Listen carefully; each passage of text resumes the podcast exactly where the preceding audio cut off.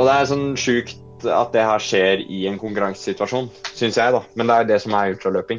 Det er liksom Du er på en måte samla om et mål om å komme fortest mulig til målstreken. Ja. Det er brorskapet. Det er brorskap, og så til slutt så er det den sterkeste som vinner, altså. Uansett. Welcome to the Fuck Asphalt Podcast. Vi vet alle at han Kilian egentlig ville løpe med Salomon-sko i hardrock, ikke sant? At han vant eh, hardrock med normalsko var kun fordi han er han Killian. Hvis han ble tvunget til å løpe med Crocs eller Drillo sine slagstøvler, hadde han fortsatt satt løyperekord. Men for oss som ikke har vokst opp i Pyreneene på 3000 meters høyde, har Salomon laga en sko som passer perfekt til løp som f.eks. UTMB, hardrock eller Rondane 100, nemlig Pulsar Trail Pro. Ifølge nettsidene til Salomon har denne skoen maksimalt med demping, medium beskyttelse, og den har en nøytral oppbygging. Det er en mengdesko laga for å løpe på såkalt mixed terreng over lange distanser. Bredden er helt standard, ikke brei, ikke smal. Classic Salomon. I tillegg til det er designet noe av det raffeste jeg har sett blitt levert fra Salomon på flere år. Den kommer nemlig i tre fargekombinasjoner. Jeg liker den som er svart, hvit og rød. I tillegg så har de tatt i bruk old school-varianten av logoen deres. Noe som minner meg om kittet til han Killian da han løp Western States i 2010 som du kanskje så han bruke under dokumentarfilmen 'Unbreakable Western States'. Når Salomon leverer gear som det her, er det ekstra stas å kunne informere dere om at det er takket være Salomon at denne episoden er tilgjengeliggjort til dere her på Spotify og iTunes. Den har nemlig ligget og godgjort seg i Patrion-hvelvet i tre-fire uker nå. Og nå er Rondane 100 rett rundt hjørnet, og som hovedsponsor av løpet ville de at denne episoden skulle nå ut til absolutt alle som skal delta. En bedre race brief kan du nemlig ikke få. Så tusen hjertelig takk til Salomon.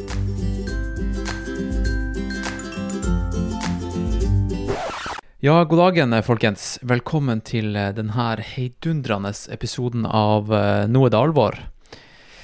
Nå er det ei stund siden jeg har lagt ut noe her på Spotify og iTunes.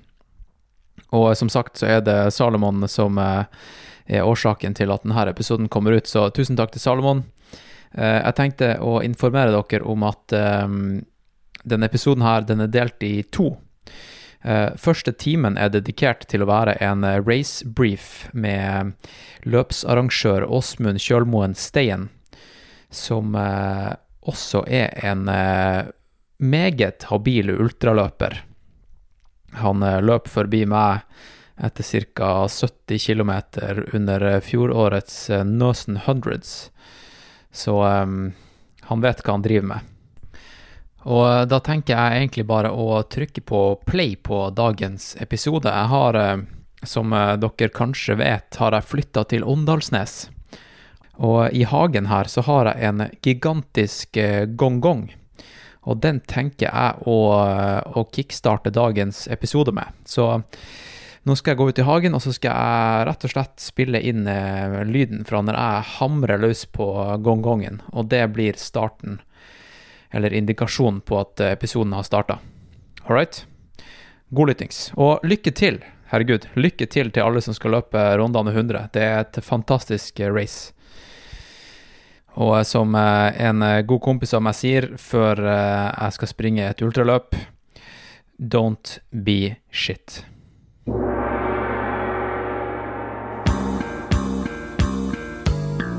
Hello, this is another one, another one, another one, baby. Welcome to Now Is It Alvor with Hans Christian and friends we're going to be the best podcast that you ever did hear. And we're going to thrill you, we're going to teach you, we're going to entertain you. Like Britney Spears once said, there are those of us who observe and those of us who are here to entertain. And we're here to entertain you, bitch.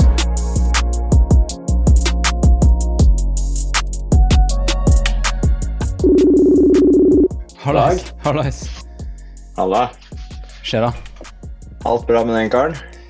Ja, det vil jeg si. Kom nettopp uh, tilbake fra butikken, eller uh, apoteket. Jeg har vært og kjøpt meg sånn her uh, Laukotape P. OK. Det er, jo, uh, Hva er det for noe? det er jo den beste sportsteipen. Ja, Jeg, fader. jeg vrikka ankelen Ja. litt i går, så jeg må bare være litt forsiktig. Ja. Men eh, det går bra. Og du, da? Jo, alt bra. Litt eh, Vært litt på farten i det siste eh, med Ja, med litt feriering her og der. Så landa i Folldalen nå for eh, to timer siden. Right. Fikk meg en liten løpetur eh, og, og så etter noe sau. Det er liksom det det går i her oppe, da. Ja. Jeg, jeg tenkte den podkasten her, da, at vi kunne dele den i to. Eh, fordi at det er sikkert mange som hører på, som, som er her kun for en litt sånn semi-race-brief. Mm. Høre litt om historien og løypa og hva man kan forvente. Eh, Så vi kan egentlig Kanskje vi skal starte litt med det? Starte med de harde fakta og snakke litt om race og, og sånt. Og så kan vi snakke litt om uh, ultraløping og trening og din bakgrunn og hva du styrer med på, på privaten etterpå. Det, det høres veldig bra ut, det. Ja. All right. Men, eh, men da, da sier vi det sånn. Hva, du har blitt eh, Du har tatt over rollen som eh, løpsarrangør, eller race director. Det stemmer. Mm. Jeg har jo på en måte hatt noe med løpet å gjøre eh, de to siste åra hvor det har vært arrangert. Og så fikk jeg spørsmål i fjor, da, i fjor høst om jeg kunne tenke meg å ta over eh, etter Erik og Inger eh, Haugland eh, som, eh, ja, som daglig leder, da, race director. Mm. Det, det er rolla mi nå. Ok, og hva, hva innebærer det egentlig nå? Er du, er du, er du liksom ansatt året rundt for å, for å drive, drive Rondane 100? Ja, det er jo faktisk en, eh, en deltidsstilling eh, som daglig leder. Så da, da har jeg ansvaret for å tilrettelegge for gjennomføring av, uh, av løpet da. Eh, nå i 2022. Og da har det egentlig vært et, et pågående arbeid fra, ja, fra høsten 2021 og, og fram til nå. Men det er jo nå, nå det virkelig begynner å bli mye jobb, da. Du, skal vi prøve å kutte video? Det er litt sånn dårlig dekning fra din side. Å ja, fader. Bare, Ja, det er uh, Vi kan prøve å kutte video. ja, hvis, ikke bedre. du har noe bedre alternativ. Ja, jeg tror det er det beste. Vi prøver den der. Hvis Ja. ikke så kan jeg flytte meg litt. Igjen. Ja, nei, men jeg hører deg bra. Ja. Ja. ja, men det er herlig. All right, så du er, du, er, du er ansatt, du har tatt over eh, rollen. Og, og hva er det liksom, hvordan, eh, hvordan arv eller legacy er det eh, Inger og Erik har eh, etterlatt seg, da? Nei, altså de er jo eh, De er veldig opptatt av eh, kvalitet på, på løpet. eh, Og at løpet liksom skal Det skal tilrettelegges for eh, for massene. Da. Altså de, de som stiller opp, de som kjøper en startplass til Rondane 100, de skal få en eh, fullverdig ultraopplevelse.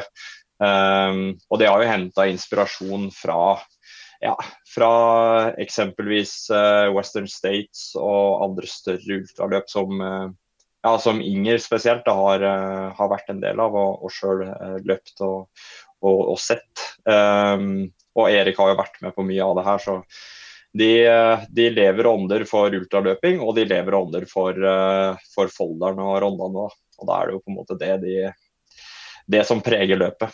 Ja. Og eh, er de, er de delaktige i det nå, eller? Eller er de helt ute? Ja.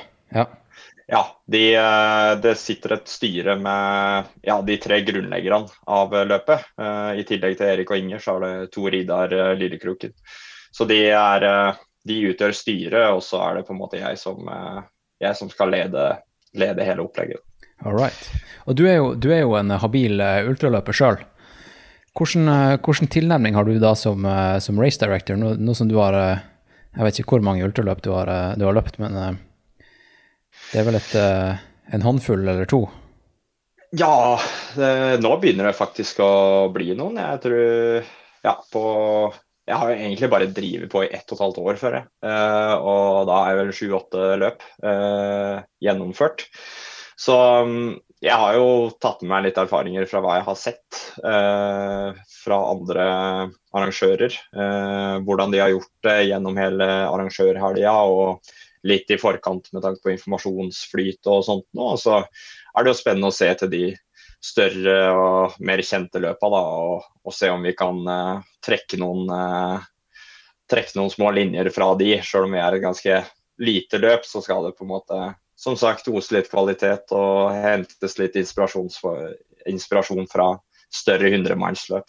Ja. Så jeg håper jo at jeg, at jeg tilfører noe uh, siden jeg både er ung og, ung og aktiv løper sjøl.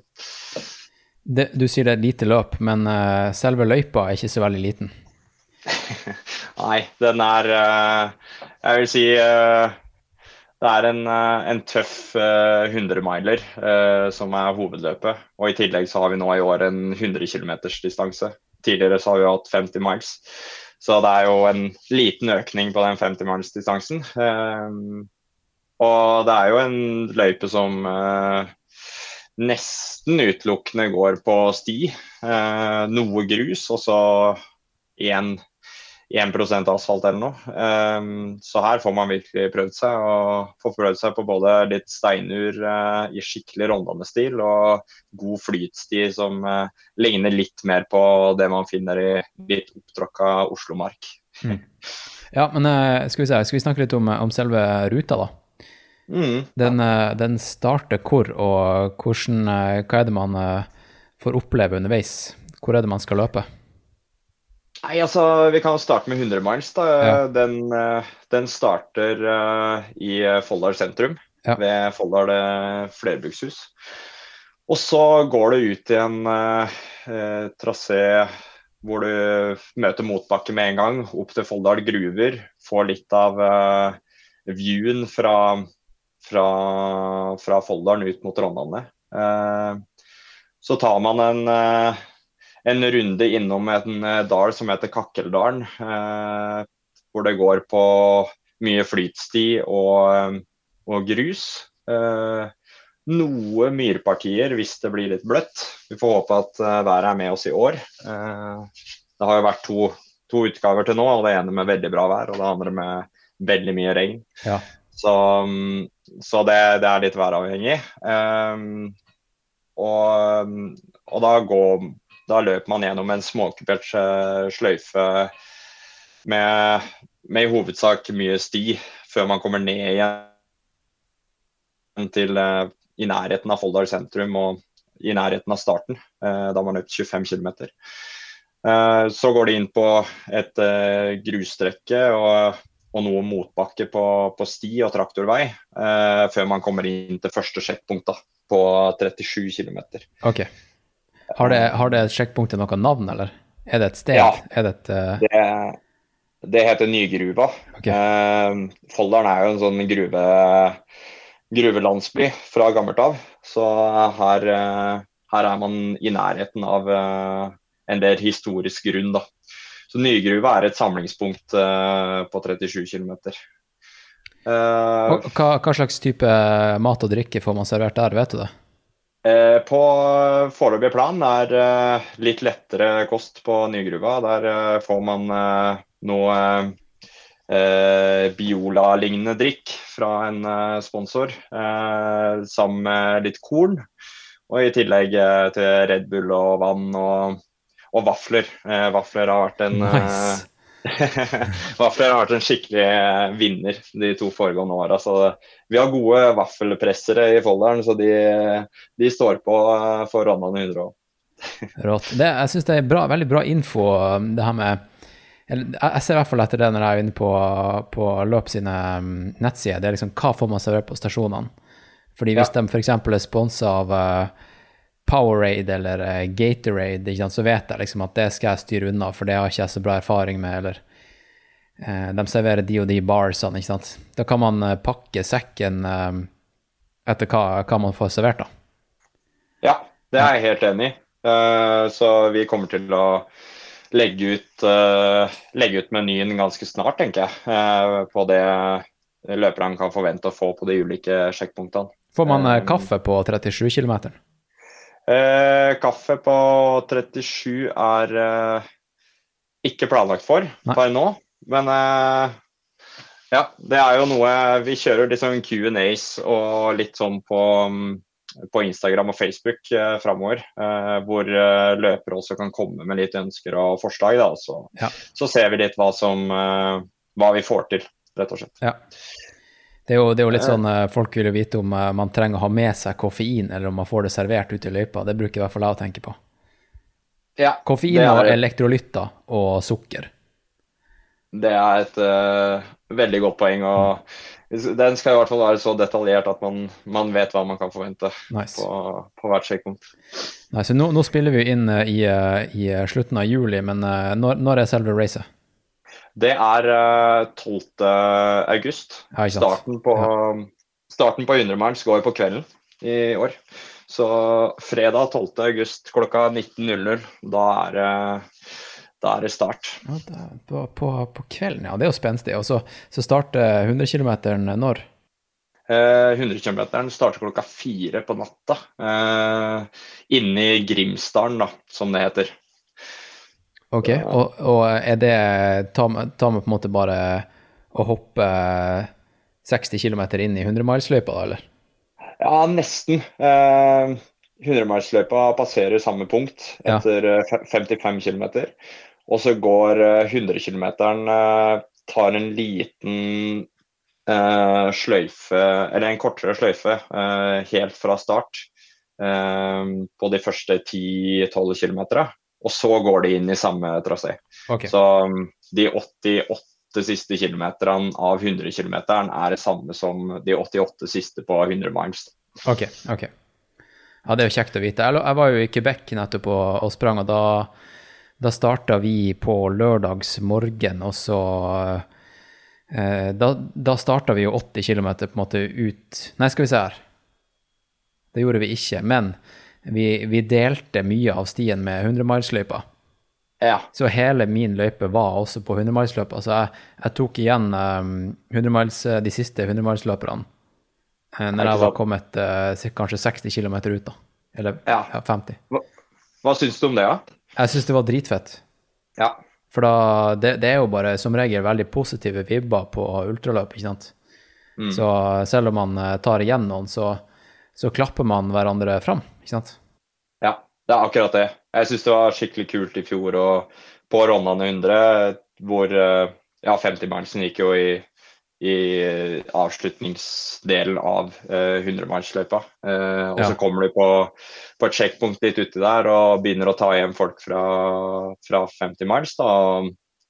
Og de Du på en måte kommer i prat, og de anerkjenner deg, og du anerkjenner dem. og det er liksom Ja, det er gode vibber hele veien. Og det er jo det er kult at det skjer litt langs løypa, da. Det, det kan bli ensomt på et 100-milsløp i hvert fall. Ja, ikke sant. Og for du, du løp 100-mileren i fjor. Ja, det, det Ja, stemmer. det kan vi Så- snakke om etterpå. Det kan vi gjøre. Men det er jo, det er jo dritbra at du har faktisk eh, gjennomført eh, løpet. For du Ja, gjennomførte, sant? Ja, jeg gjennomført i fjor. Ja. Så mm, jeg har jo, har jeg erfaring fra det som skjedde, og ja. Uh, vi kan snakke mer om det etterpå, men Ja, eh, Det gleder, det tror jeg kommer godt med. Ja. Eh, All right, så, så etter eh, 37 km, da, så, ja. så skal man ut på hvilken type landskap, og hvor langt er det til neste stasjon? Nei, da kommer vi opp i litt sånn skikkelig høyfjellslandskap. Jeg mener jo at eh, fjellet, det er eh, over tregrensa, spør du meg. Eh, Spør så da kommer vi til Eh, Så da, da, da kommer vi over tregrensa. Da skal vi opp på en liten topp som heter Streitkampen.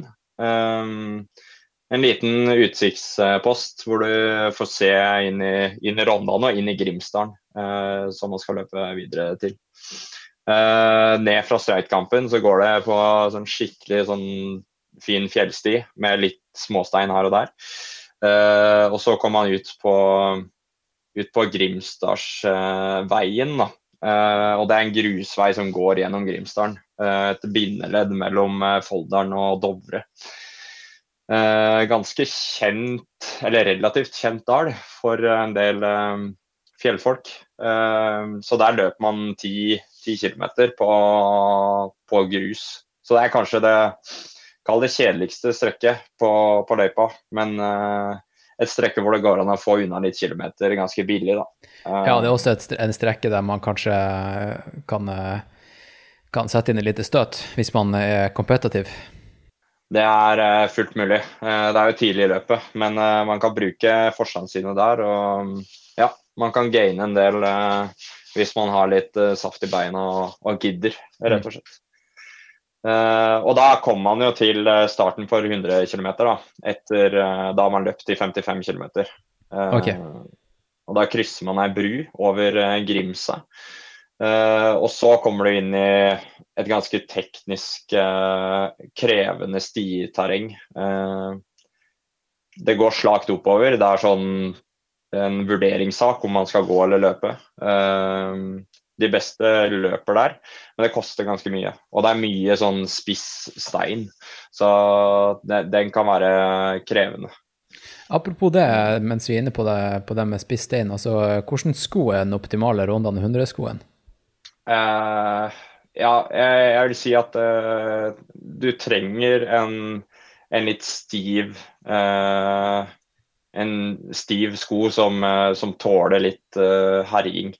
Uh, nå er jeg uh, Salomon-løper og mest kjent med Salomon sine sko. Så hvis noen tar en referanse til Ultra, uh, Ultra 3-skoen til Salomon, så er det den jeg har, har løpt med okay. de, de to åra. Ja, Og det er den jeg ville anbefalt òg, fra Salomon i hvert fall.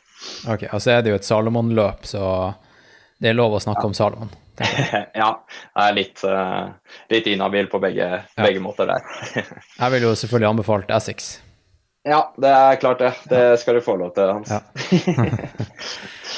Men uh, all right. Men da de, Altså, de fleste har jo testa ut mange, Det er jo mange som har litt forskjellige sko. Ja, Så hvis man har en eh, litt stiv sko med en type rockplate, så, eh, så trengs det i det løpet her, da. ja, Ja. Det, det vil jeg absolutt si. Det er en uh, god, god og enkel uh, analyse av det. Ja. Eh, men det som er kult da, med det partiet vi var innom nå, er liksom mm, Det går Det er åtte kilometer kanskje med sånn jabbete stitaring. Og så kommer du inn i en sinnssykt frodig fjelldal eh, som du ikke skjønner at finnes i et så steinete landskap. Mm. Eh, du toucher innom en grusvei i noen hundre meter, og så kommer du inn på en eh, flytsti, og da mener jeg flytsti. Eh, det finnes nesten ikke eh, forstyrrelser i stien, så det er et stuegulv gjennom hele dalen. Det er som eh, Eh, liksom. Ja, det er eh, Jeg har ikke løpt løp i Chamonix, men jeg har vært der på, på treningssamling tidligere. og Ja. da det er, det er på det nivået. Um, og da løper du langs ei elv uh, i uh, ja, i ei mil, egentlig, hvor det bare flyter ganske jevnt på. Uh, I sånn flatt, litt småkupert uh, terreng. Da. Eh, før, så det her er en sånn tredelt eh, del, for nå er vi på tur til sjekkpunkt to. Og, og den siste delen mot sjekkpunkt to, det er eh, en av rosinene i pølsa. Uh, som er uh, dørrålglupen. Og for de som har sett bilder som er tatt uh, fra Rondane 100, så er det en del som har lagt ut liksom bilder hvor det er pakka med stein rundt overalt. Ja, ja. Jeg, var- jeg var jo der eh, for et par år siden. Jeg, jeg var jo oppe, jeg sprang eh, Vi kjørte til Dørholsetet på 80 km checkpunktet, og så sprang vi opp i lia. Ja, det er der. Det der, Eh, ja. Og det er ei ganske heftig klatring opp. uh, og så skal du gjennom Dørholglupen. uh, og så skal du ned. Og da, da kjenner du jo også til den løpinga nedover, da. Den som du løp opp. Hvor det, Ja. Hvor det går an å trykke på litt, men eh, du må holde tunga på plass. Ja, for du starter i eh, litt sånn ur, og så kommer du ned på ganske fin, bratt eh, fjellsti. Ja, det stemmer. Ja. Uh, og da, da får, du, får du litt god pounding nedover der. Um, Ja, det som er så fett der, er at de som står på checkpointet, de, de ser jo opp i lia, så de kan liksom se hvem som kommer. ja. Jeg husker vi sto, vi sto der um, da jeg var der i 2020. Ja. Så, så sto vi nede på Dørholmseter, og så bare sto vi der med kikkert, liksom. Og kunne spotte Ja. den som kom. Det var dritfett. Ja, det er ganske fett. Så um, det er et kult, eh, en kul del av løypa. Og vi kan ta det i samme slengen at eh, i, før man tar opp til uh, Dørhogluppen, eh, da har man eh, Ja, det er kanskje fem kilometer igjen til eh, sjekkpunktet. Da kommer også 100 km-løypa inn eh, fra sida. Um, så 100 km går i et mer sånn konstant fjellterreng og litt mer krevende sti eh, på, den første, på de første 10-15 km, før man da kommer inn på, på stien inn på Dørhogluppen. Ok. En ting vi må, vi må tenke på her, og vi må holde tunga litt rett i munnen, er, er tida på døgnet. Så Ja. vi kan anta at uh, både ledere og dem som er i back of the packers uh, Altså, hva er klokka liksom når man kommer til checkpoint eh, 2? Det er det vi er Eller det jeg er mest spent på i år, da. Um, for her er klokka fort to, to, kanskje tre, for de første på, på 100 miles. Mm. Eh, det betyr at det kan være ganske mørkt eh, hvis, eh, hvis det er litt overskya. Ehm, og da blir Dørhogluppen uh, en teknisk krevende affære. Ja. Så her blir uh, I år så jeg kan ikke få sagt det nok at uh, ei god hodelykt, uh, ekstra batterier og reservelykt, det er, eh, det er en viktig del av mandatory equipment i år. Altså. Kan, kan vi bare også presisere det at den der, eh, den der eh, backup-lykta også må være ei bra lykt? Ja, Jeg vet ikke om Det- du fikk med deg hva som skjedde med meg i TDS i fjor? det, det fikk jeg med meg. Ja, for dem som ikke fikk det med seg, så, så streika jo hovedlykta, og um, ja, den streika. Så jeg måtte bruke den lille symbolske drittlykta som jeg hadde med meg, som jeg jeg hadde planlagt at jeg ikke kom til å få bruk for.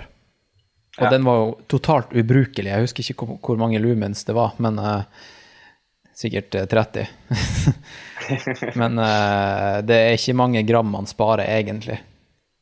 Hvis man Nei. har en backup-lykt på 300-400 lumen, så, så, så, er, så er ikke det mange, så mange gram, altså. Nei, det er ikke det, altså. Og mm, ja, jeg ville nødig vært eh, der oppe uten lykt. Og mm, ja, eh, for all del, ha en god backup-lykt. Nå har vi også med oss eh, Moonlight eh, som sponsor Ja, til fett. eh, løpet. Fett. Så Paul Dossier kommer med stand og lykter som løpere kan få prøve sjøl i løpet, hvis de ønsker det. Um, men for all del, man skal være forberedt og ikke, ikke belage seg på, på sånne ting. Ha utstyr i orden. Ja.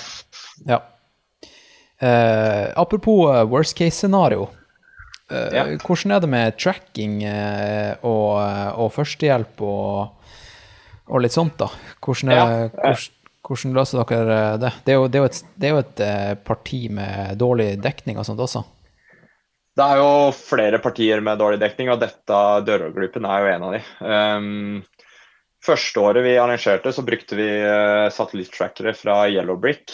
Um, fikk litt blanda tilbakemeldinger på det, og mye gikk jo på, på vekt og størrelse. De veier jo 300 gram og er ganske store.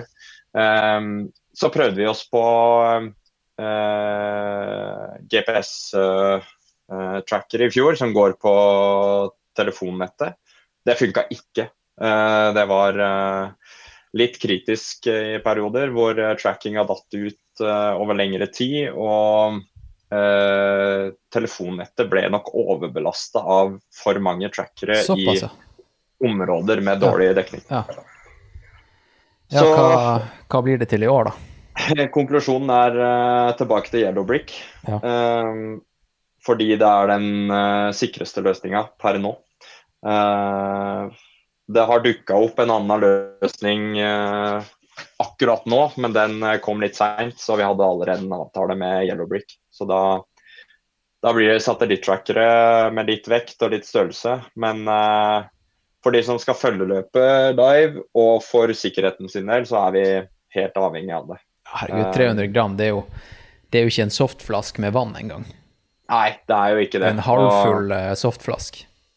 Eh, det, det har du helt rett i. Og man skal drive på lenge her, og det er ikke der det står og faller. Og Nei. uansett så er nå Alle skal nå løpe med den klumpen, så da, da er det jo likt for alle, da. Ja, ikke sant?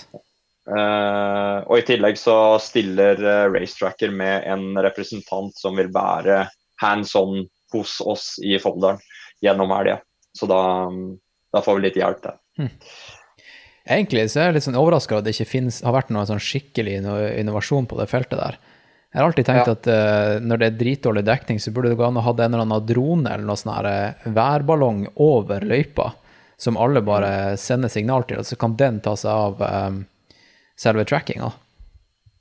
Ja, jeg tenker at her, er det, her må det være flust av muligheter. Ja. Uh, så det er ikke Her er det muligheter for innovasjon og, og litt nytenkning, ja. Eh, og det vil jo bli behov for det. Altså, vi er jo ikke det eneste løpet med, med litt dårlig dekning uh, underveis i løypa. Nei. Hva, uh, har dere tenkt noe på livedekning, eh, sånn videomessig og livestream? Det er jo Ja, ganske altså- ja. Vi har jo vært innom litt forskjellig, og ja, eh, nå har vi landa på at eh, med tanke på de ressursene og de kontaktene vi har klart å innhente, da, så, mm, så blir det en variant hvor vi kommer til å oppdatere hyppig i sosiale medier. eh, hvor jeg har med meg jeg broren min, faktisk, som jobber med media til daglig. som vil vil følge løpet eh, i sosiale medier. Eh, så det vil jo bli en form for eh, løpende oppdateringer i, eh, på Instagram og Facebook. eh, og noe, eh, noe live-video. Og i tillegg så vil har jeg snakka med en representant fra lokalavisa som vil streame det som skjer i målområdet, i hvert fall, på, på YouTube. Og det vil være åpent for alle. Så Kult. slik det ser ut nå. Ja, og, og en, en eh, forseggjort eh, story på Instagram, det er jo mer enn bra nok. Altså, jeg satt jo klistra til Iron Far sin Twitter-feed i helga under hardrock, Hard Rock, ikke sant? Ja. Og det er jo, sånn har det jo vært i, i alle år, egentlig. Det er jo bare de siste årene at vi har hatt eh, bra, bra video. Det er jo, UTMB har jo på en måte vært unntaket, for de har jo vært eh, til stede med, med ordentlig TV-rigg med helikopter og sånn her. Men eh, Ja. Er- ja, og så kommer jo Golden Trail Series kommer til Stranda. Mm -hmm. Jeg skal faktisk være kommentator på, Ja, den, på den streamen der. Fett. Det er jo helt rått. Ja, det blir kult, ass. Men eh, ja, nå begynner vi å bli bortskjemt med bra livedekning. Ja, det er ganske rått. Jeg ble spurt av, uh, spurt av Joakim Dokka i Salmon om, eh, om jeg kunne tenke meg å være med som eh, Eller han spurte generelt om det var noen som ville være med som eh, løpende kamerafolk på stranda. Ja, ja, ja. Så- ja. Hadde jeg ikke vært opptatt med annen jobb den helga, så, så skulle jeg helst løpt sjøl, tenker jeg. Men eh, en kamerajobb hadde jo også vært litt moro. ja, ja. Men det begynner jo å bli en sånn ny profesjon, altså noe du kan slenge opp på LinkedIn. Og, og være frilanser, en sånn løpende kamerakiss. Ja, det, det har du, det, der har du Der har du noe, altså. Det, det hadde ikke vært dumt. Det skal jeg jaggu tenke litt på. Ja. All right, men eh, skal vi ta Da, da kommer man ned til, eh, til Dørholseter. Det er 80 km, checkpoint 2, da. Ja, det er jo et sjekkpunkt for uh, både 100 km og 100 miles. Eh, der får uh, 100 miles-løpere sin første dropbag. Um, tilgang på den. Uh, og i tillegg så blir det servering av uh, en, uh, en varmrett i form av lapskaus eller suppe fra Øvre Dørålseter. Um, både vegetaralternativ og med kjøtt. I tillegg til eh, I tillegg til Red Bull og Imsdal og noe salt fra Sørland Chips. Nice. Chips, det, det spiste jeg litt av i, i Quebec. Jeg var jo skikkelig um, Ja. ute å kjøre næringsmessig, men det var det eneste jeg fikk, fikk i meg, det og, og salt. Ja. Det er jo det er en go-to hvis man er litt, eh, er litt ned i fortelling, tenker jeg. Ja. Og poteten i litt- lapskaus er også genial. ja, den er fin, og, og den lapskausen er nok eh, salt, Ja. kjenner jeg. Ja. Kjenner jeg dem rett. Eh, men eh, det, er, det er litt kult da, at vi kan vise fram noe lokalt òg. For det, det her er jo et, eh, en turisthytte som driftes daglig. Ja, den er svær, altså. Ja, den er enorm. Eh, så der, der opptar vi litt plass på natta, og så eh, satser vi på, på å få folk av gårde før, før gjestene gjestene skal opp og spise frokost. Alright, men ut fra Dørålseter, da, da, da er det jo fantastisk eh, sti. Jeg, jeg var jo der for et par år siden, og jeg sprang eh, kanskje 15 km derfra og ut og tilbake. Ja. Eh, så um, du, kan jo, du kan jo beskrive det, du også, da. Hva er, hva er Ja. det løperne kan eh, vente der? Nei, det er, eh, det er som du sier, det er et fantastisk område. Eh, Det er jo på en måte i et av ytterpunktene til sjølve Rondane. Da. Eh, Så da ser du, ser du opp på de mektige fjellene og løper på en sti som er sånn, ja, hva skal vi si, halvteknisk eh, i eh, flatt og slakt motbakketerreng. Eh, Og man løper da i retning av noe som heter Langglupdalen, eh, som er eh, en, en av hoveddalene i, i Rondane. Eh, og da får du etter hvert eh, Golden Four, som det heter. Fire av de høyeste toppene i rondene på venstre hånd. Og så får du Rondeslottet og vinnerronden på, på høyre hånd. Eh, som er, ja, Rondeslottet er den høyeste toppen i rondene. Um, og du løper etter hvert på ganske sånn steinete uh, spiss, steinete sti. eh, hvor det krever litt eh, teknikk og i hvert fall et våkent, eh, våkent øye. Ja, og da er det Eh, begynt å bli lyst, i hvert fall for, eh, for de fleste, sant?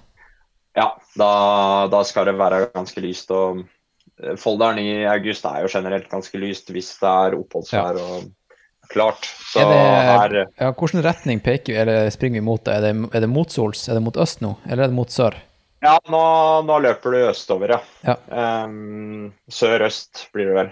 Eh, og jeg, her er jeg liksom spent på Hvis vi får en skikkelig godværsdag, så tror jeg den opplevelsen av å løpe innover der i, når sola begynner å titte fram, det, det kan bli mektig, altså.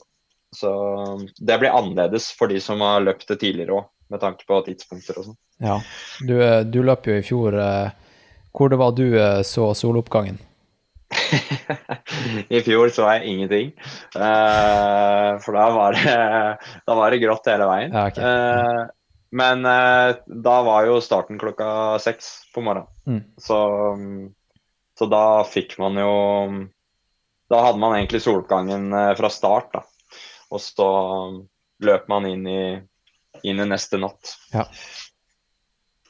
Men her er det jo da det er teknisk krevende, men ganske sånn snilt terreng. Um, og her kan du nok møte på litt uh, turgåere og litt diverse, i hvert fall for de som uh, passerer deg litt utpå formiddagen.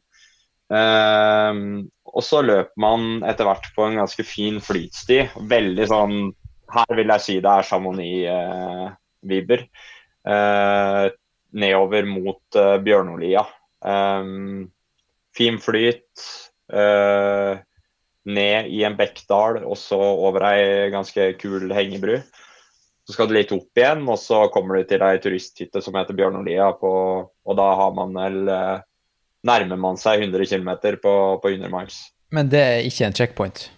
Det er ikke et checkpoint. Nei. så der eh, vil det bare være de som driver der eventuelt, og, og vanlige turister som eh, Noen skjønner hva som skjer, andre skjønner veldig lite. Eh, det er bare å banke forbi og komme seg over ei ny elv, og, og så skal man opp ei steintrapp, som er en litt sånn kul uh, skjerpa-aktig trapp. Um, før man eh, følger en sånn slak utfor uh, sti, eh, som er sånn også den halvteknisk, eh, ned mot tredje sjekkpunkt på Strømbu. Da har man eh, 106-107 km. Ja. Og sånne, sånne profilmessig, og jeg tenker på stigning Ja. eh, Så fra, fra checkpoint 2 til Strømbus, Strømbu, så er det, det er egentlig en, en kontinuerlig stigning til, eh, skal vi se, ca. 90 km, og så går det derfra netto nedover til Strømbu. Med litt Ja. eh, tagger opp og ned, men eh, det går som regel helt ned, bare nedover til Strømbu, sant?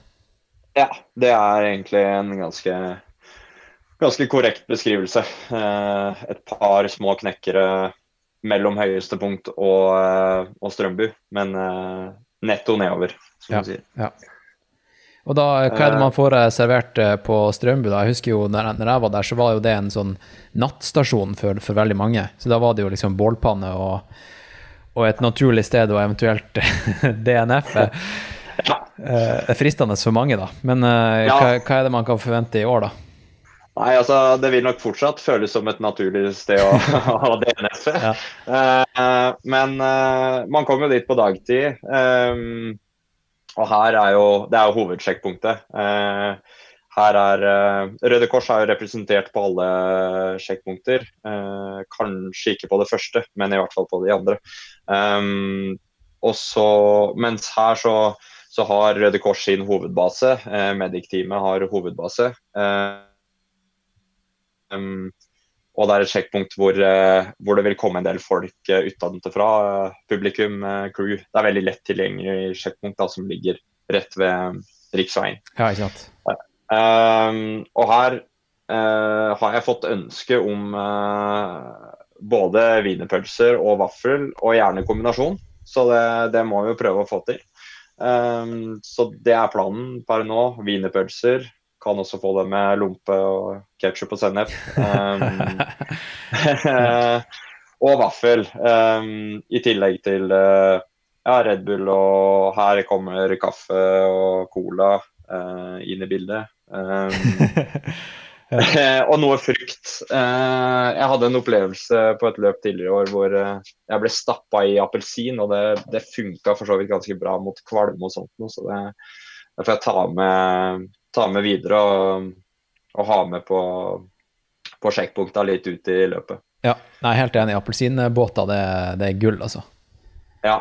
I tillegg så får jo eh, 100 km-løperne sin dropbag på det her punktet. Og, eh, og 100 miles-løperne får sin andre dropbag. Ok. Eh, Hvis du, hvis du skulle løpt, eller eh, du løp i fjor, da, men eh, hvis du skulle hatt noe i dropbag, sånn, hva ville du putta oppi der? På den første og den andre? Hva er forskjellen, ja. liksom? Hva skal du tenke på? Nei, altså på den første så, så ville jeg tenkt uh, en eller annen form for fast næring som, som jeg er kjent med. eh, som jeg har eh, god erfaring med, som jeg vet at jeg får i meg. For det er på en måte, det kommer på et punkt hvor det er på tide å få i seg litt mer enn uh, noe lefser eller uh, uh, polarbrød eller gels eller barer eller hva det skulle være. Ja. Um, så der ville jeg prioritert det sammen med um, Sammen med et sokkeskift. Det ville jeg egentlig hatt i begge dropbagsa. Uh, og eventuelt noe ekstra sportsdrikk uh, som man kunne fylt på. Samt gels, da. At jeg ikke hadde belaga meg på å ha med gels for hele løpet uh, fra start. Men at jeg prøver å tenke litt på vekta, sånn at jeg kan uh, være kvitt det som er i sekken fram til det punktet, og så kan jeg fylle på med nytt herfra. Ja. Eh, på men men før, eh, før du går videre til neste, er det noe ja. utstyr, bortsett fra næring og sånt, er det noe utstyr du ville lagt eh, i bagen da? Og bortsett fra sokker? Er noe Ja. staver Eh. eller eh, noe sånt? Nei, eh, staver ville jeg ikke prioritert her. Um, Ville du prioritert det fra starten? Uh, hvis, hvis jeg skulle prioritert staver et sted, så ville det kanskje vært i den neste. Ok, ok. Um, men uh, ja, dette er jo litt avhengig av hva man er vant til, da. Um, men ellers av utstyr så eh, Så ville jeg eventuelt kanskje hatt en eh, batteripakke til uh, hodelykta. Um, hvis man ikke har to fullverdige hodelykter, i hvert fall. Eh, fra start. Kommer dere til å sjekke noe? Ja, vi kommer til å ha noen uh, vilkårlige sjekker uh, før, uh, før start og, og etter målgang. Det vil bli, eh, Ok. det vil bli litt på uttrekk. Ja, det, det jeg spør fordi at uh, etter erfaring da, så er det ganske nice hvis, å vite om det blir sjekk underveis eller før eller etter. Fordi at hvis det er Ja. underveis, så, så påvirker det hvordan man pakker. Ikke sant? Man vil jo Ja. gjerne ha det veldig lett tilgjengelig og kanskje i en gjennomsiktig ziplock hvis det skal være sjekk underveis. Men hvis det, Ja. hvis det blir på slutten og helt vilkårlig, så kan man jo like gjerne ta det i en dry sack eller noe sånt. Ja. Nei, det, det blir ingen sjekk underveis. Nei. Eh, vi, vi velger å stole, stole på folk, Ja, sånn sett. ja. Um, ja, så egentlig et minimalt med ekstra utstyr som jeg ville tenkt på, på det, i den første dropbagen. Ja. Um, men siden andre så ville jeg begynt å Her kunne jeg vurdert et skobytte. Um, kanskje til en, eh, en raskere sko med eh, med kanskje litt, litt mer demping, som er, er litt lettere. Um, eh, ja, for Salmon sin del av en, en um, en trail, en Pulsar Trail f.eks., som er en av de nye skoene nå. Um, Som er, er en lettere versjon med, med litt mer demping og en sånn energy blade som, som gjør at uh, man kan få litt mer tilbake for, uh, for løpinga på, på raskere sti da, som man uh, møter. Med en energy blade. I tillegg Hør her. ja, det er, her er det noe, her er noe, noe innovasjon, Ja. rett og slett. Ja. Nei, men jeg har veldig god erfaring. Foreløpig så er jeg veldig, veldig nøyd med testinga av de. Så. Men at man har en litt raskere sko eh, det, som ikke nødvendigvis er så stiv da, um, og, og robust, det, det kan man vurdere her. Ja, så er det kanskje nice å bare skifte sko, fordi at nå starter på en måte det, det siste kapittelet. Ja. Sant? Det er, det er litt det er, Du er inne på noe der. Litt sånn psykisk. Uh, man får en litt sånn fresh uh, start ut av sjekkpunktet. Ja. Og, ja, jeg har jo jeg har jo løpt det to ganger, eh, det løpet her. Men jeg brøt jo på Strømbu det første året. eh, på det punktet vi er på nå. Eh, men jeg har jo Begge åra har jeg lagt ut eh, propper, ørepropper, i den rockbagen. Altså altså Bluetooth-propper. Ja. Fordi jeg kunne treate meg sjøl med musikk. da. Um, og for de som er sånn som deg, da, som løper med iPod shuffle eller et eller annet, Ja. så, eller en gammel telefon, så kan man jo legge den der, da. Eh, og, og få en liten boost av det. Uh, ellers av utstyr så Som sagt, man kan vurdere staver fordi man kommer inn i et parti hvor det er en skikkelig motbakke eh, ut av sjekkpunktet, og, og man får noen stigninger etter hvert som eh, kan suge litt krefter ut, eh, ut av hver og en på, på slutten av et sånt løp. Ja, for den, den, det- du går rett inn i en stigning da, etter Strømbu, og da, da går du fra, skal vi se her da, fra eh, 700 og, ca. 700 meter over havet til eh, eh, 1460 ca. Ja, den er, den er seig, Ja, altså. så 700-800 høydemeter da. Ja, på ganske, ganske kort strekning. Ja. Så det er en uh, saftig prosent fra start der. Um, og jeg tror her er det her er det rett og slett å bare tenke um, Jeg skal opp der. eh, jeg skal ut av sjekkpunktet, og jeg skal opp den jævla stigninga. For kommer man seg dit, da bryter du ikke. Men hvis du ikke starter på den stigninga, hvis du nøler der, da, da kan det bli tøft. Så, så her gjelder det å være bestemt og bare ta seg tida opp den bakken, sette på noe musikk på øret og bare begynne å gå.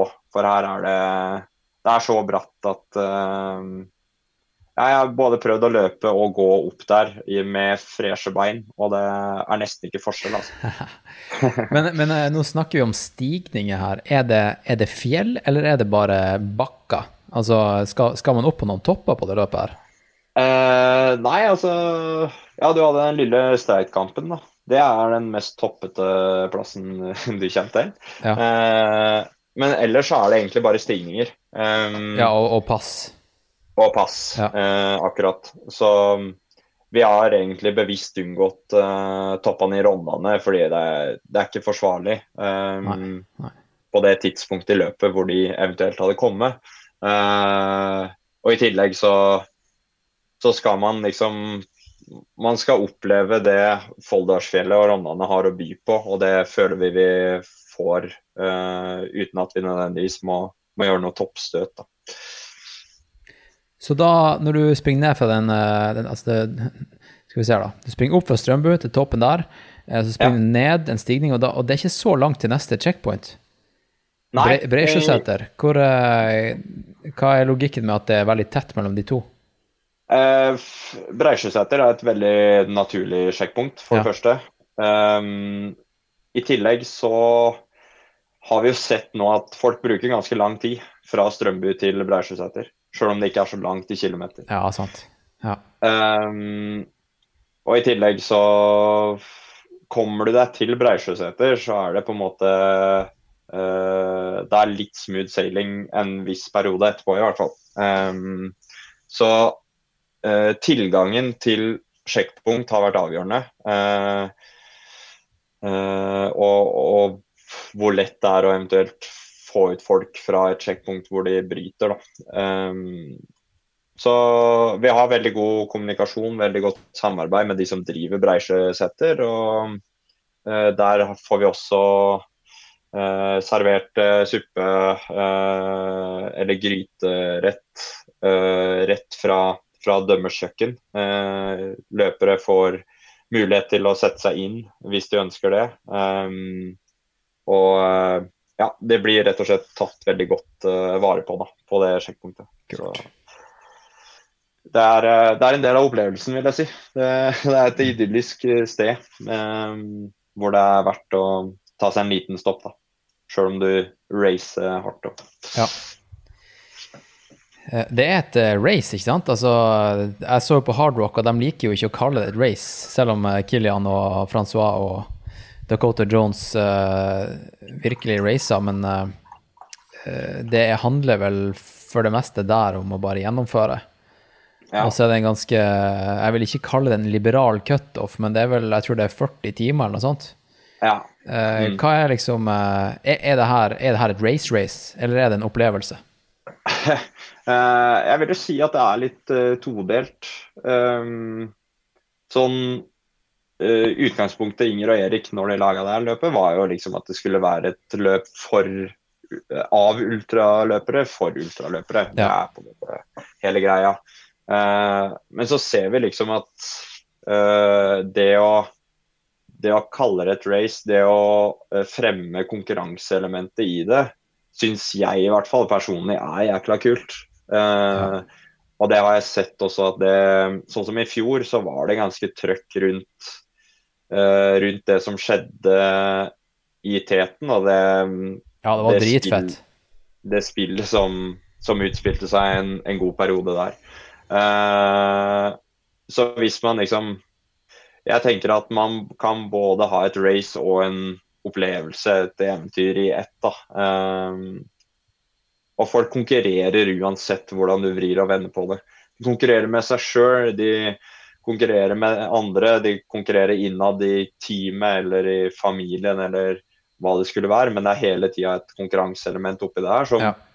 jeg tror er viktig da, for at man skal, skal gjennomføre og pushe det siste. Fordi det krever en, en push, det her. Uh, og jeg Altså, all ære til de som fullfører uh, Rondane 100. Det står respekt av å gjennomføre et så langt løp. Uh, men man skal også anerkjenne konkurranseelementet i det, Ja. jeg. Ja. Har dere noe sånn heftig bevis på at man har gjennomført? Uh, I år så det er breaking news. Fullfører du 100 miles under 30 timer, så får du beltespenne. Å, dæven! Det Er ikke det det første norske ultraløpet med beltespenne, da? Ja, det tror jeg faktisk. Ja. Jeg har ikke, ikke hørt om noen så langt. Så, så den er Dritfett. jeg, jeg kom jo hit på rommet mitt i stad, og nå står det så mange esker med diverse leveranser til løpet. Men eh, i den ene der så skal det visstnok ligge noe beltespenning. Så det blir fett. Eh, håper mange klarer det. Jeg har uh, sikra meg ganske bra, tror jeg, på, på 100. Så det er en liten ekstra gulrot der. Um, I tillegg så har vi jo finishermedalje i tre. uh, i år. Uh, de syns jeg ble dritkule. Um, og så eh, ønsker jo Salomon De er litt sånn litt ferdig med finisher-T-skjorte og Ja. sånt nå. Så, så i år så får man en kopp. eh, en sånn termokopp-ish eh, stålkopp eh, til turbruk med Salomon Ronnan Indre-logoen på. Um, som i hvert fall kommer til å bli brukt med, med kaffe og det som eh, måtte høre til, tenker jeg da. Fett. Mm. Og så er det noen drikkevarer fra Røros bryggeri. Så det blir litt sånn litt her og der, litt plukk og miks. Eh, men alle, alle som fullfører skal, skal føle seg anerkjent og, og sett, og de skal få et bevis på det. Um, Og hva er, de hva er cutoff-tida, da? Uh, Cutoff er uh, Skal vi se, nå må jeg bare uh, sikre at jeg har det Det er Det er på 35 timer på 100 miles. Ok. Og 26 på 100 km. Så det er samme tidspunktet, da. Cutoffen er samme tidspunkt hele veien. Ja. Eh, jo, skal vi se, da. Så vi kan ta, ta lytteren gjennom siste parti. For du, du har Breisjøseter, og så er det eh, over to kneiker. og altså en, så er det én stasjon til før målgang, og det er på Grimsbu. Hvordan er, Ja. hvordan er landskapet der, og hva er det man kan egentlig vente på det partiet der? Ja, eh, det er eh, småkupert eh, teknisk sti fra start på Breisjøseter. Um, eh, litt sånn jabbete oppover i starten, og så eh, finner du god flyt uh, nedover um, før, du, uh, før du skal over Langfjellet, Uh, som er ei sånn skikkelig seig stigning. Eh, starter på grusvei, og så går det over i sti. Og den er slak eh, og føles ganske lang. Eh, men når du har kommet deg over Langfjellet, så er det bare å peise på nedover på nye partier med flytsti, litt myr. Eh, og så stuper det ganske bratt ned mot eh, det siste sjekkpunktet eh, i Stormega, eh, som er en skistadion, skiskytterstadion i Grimsbu. Hvor det siste sjekkpunktet er før målgang. Og da har man 15 km igjen da når man kommer dit. Og da er det ikke så veldig mye stigning inn til, eh, til mål. Nei, da er det Da går det flatt i starten, og så er det Ja, hva kan det være da? Eh, kanskje 250-300 meter stigning, kanskje. Um, Ja, det er ikke det engang. Det er ikke det engang. Det skal vi se, flate er på 6,83, og så går man opp til eh, 8,43. mm, Ja, mm, ja, ok. Ja. ja, så um, Men totalt sett da en, en drøye 200 meter stigning, Ja. og ganske, ganske lettløpt på, på fine stier eller på grusvei. Uh, det er jo Den traseen er, et, eh, er en del av et løp som går her ei uke før Ronnan 100. Hva det løpet heter Det heter eh, Malmveien. Um, som er et sånn tradisjonelt eh, 12 km terrengløp okay. fra Grimsbu til uh, Folldal sentrum. Ja. Artig.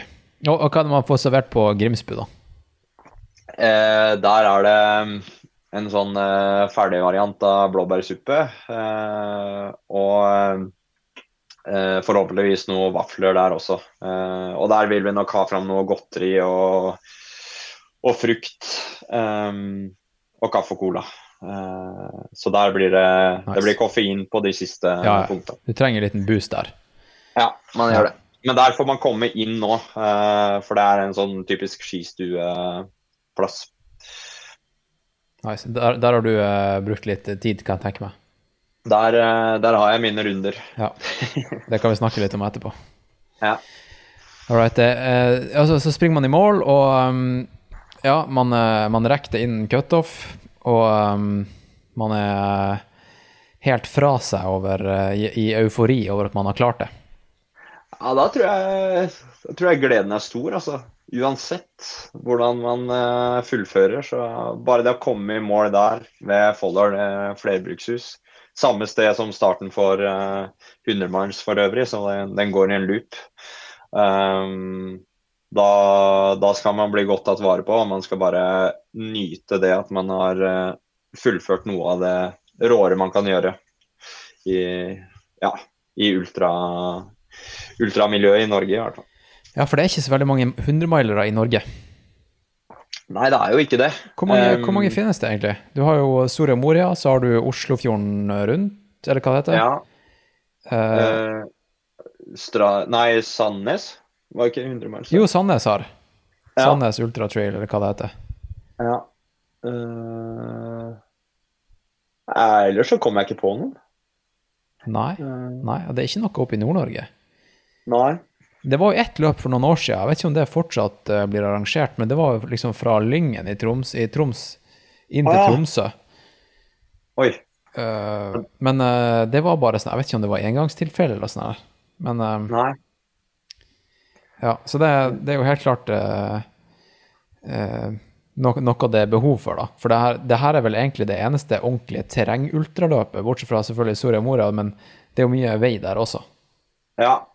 ja, det er jo det, det er så lite asfalt som det er mulig å få. Altså du, du krysser eh, du krysser hovedveien tre ganger, og så løper du bitte lite grann på asfalt i, helt i starten og, og på slutten. Eh, oppløpet er på asfalt. Så det er på en måte Det er, eh, det er akkurat sånn en 100 miles-løype skal se ut, spør du meg. Og mm, på en måte passe utfordrende. Det er ikke, det er ikke helt hodemist på høydemeter, og det er ikke helt hodemist på terreng. Eh, men det er gjennomførbart med, med de rette forutsetningene.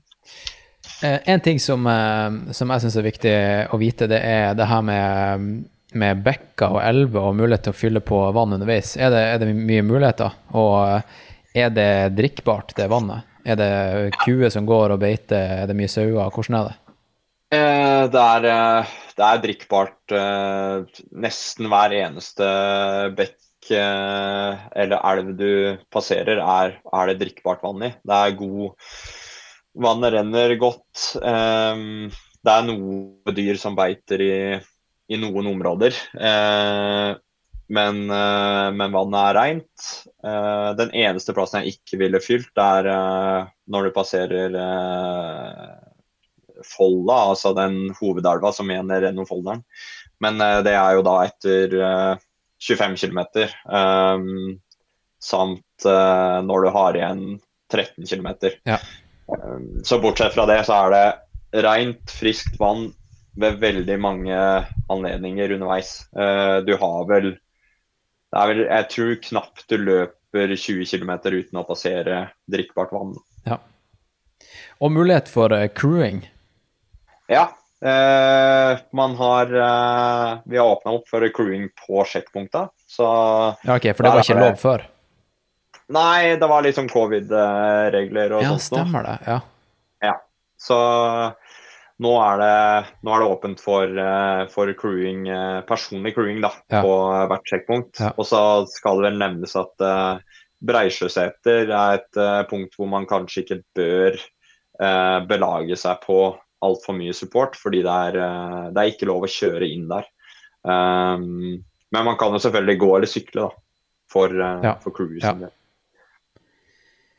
Fett. Ok. Eh, Er, det noe du føler vi, eh, vi burde ta opp som vi ikke har snakka om? Nei, altså, jeg vil jo si at uh, etter å ha løpt det løpet her sjøl og løpt en del andre ultraløp, så, så tror jeg det her eh, skal være en ganske rå opplevelse for de som er glad i terrengultra. Også litt sånn der eh, For å ta på den strenge hatten, så har vi jo opplevde vi i fjor at uh, det var mange som uh, tok litt lett på bekledning, uh, på mandatory equipment. Pusha grensene der litt. og fikk noen mindre behagelige opplevelser med tanke på kulde og, og det å være bløt i skikkelig høyfjell. Så ta for all del brief og info på alvor. Eh, og så har vi et skikkelig strengt og godt uh, medic-team som kommer til å ja, kommer til å være litt hardere på det å eventuelt uh, ta folk ut av løpet da, hvis de ser at uh, det her er uh, utafor det som er uh, forsvarlig. Ja, jeg hørte noen stories fra i fjor. Det var mye skjelving. Ja, Det var, Det mye, var, det var mye eh, kalde, frosne fingre som ikke klarte å få, eh, få på glidelåsen på jakka og sånn her. Ja, fy fader. Det, det var brutalt. Så Ja. jeg ville tatt på, tatt på Selbu-vottene. Jeg har hatt dem i sekken. sekken. Det er Det funka, funka for min del. Ja.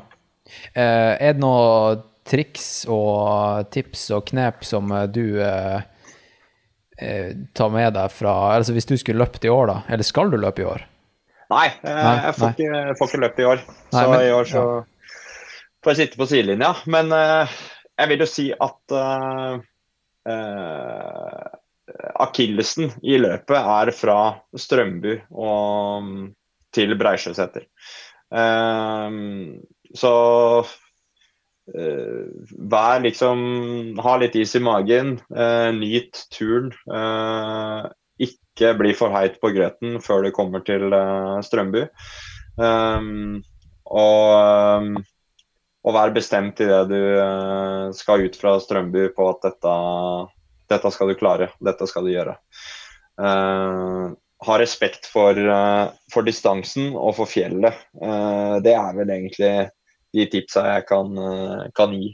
Ja. Og så og så er jo ultramiljøet er jo bare Altså det, det har fascinert meg de to åra jeg har vært en del av det. At det er så raust, så inkluderende, så, ja, så rått. Det er liksom eh, Det er noe helt annet enn det du møter i andre konkurransemiljøer. Så mm, her passer man på hverandre, og man backer hverandre og anerkjenner eh, hverandres prestasjoner. Og det, det kommer man ganske langt med, altså.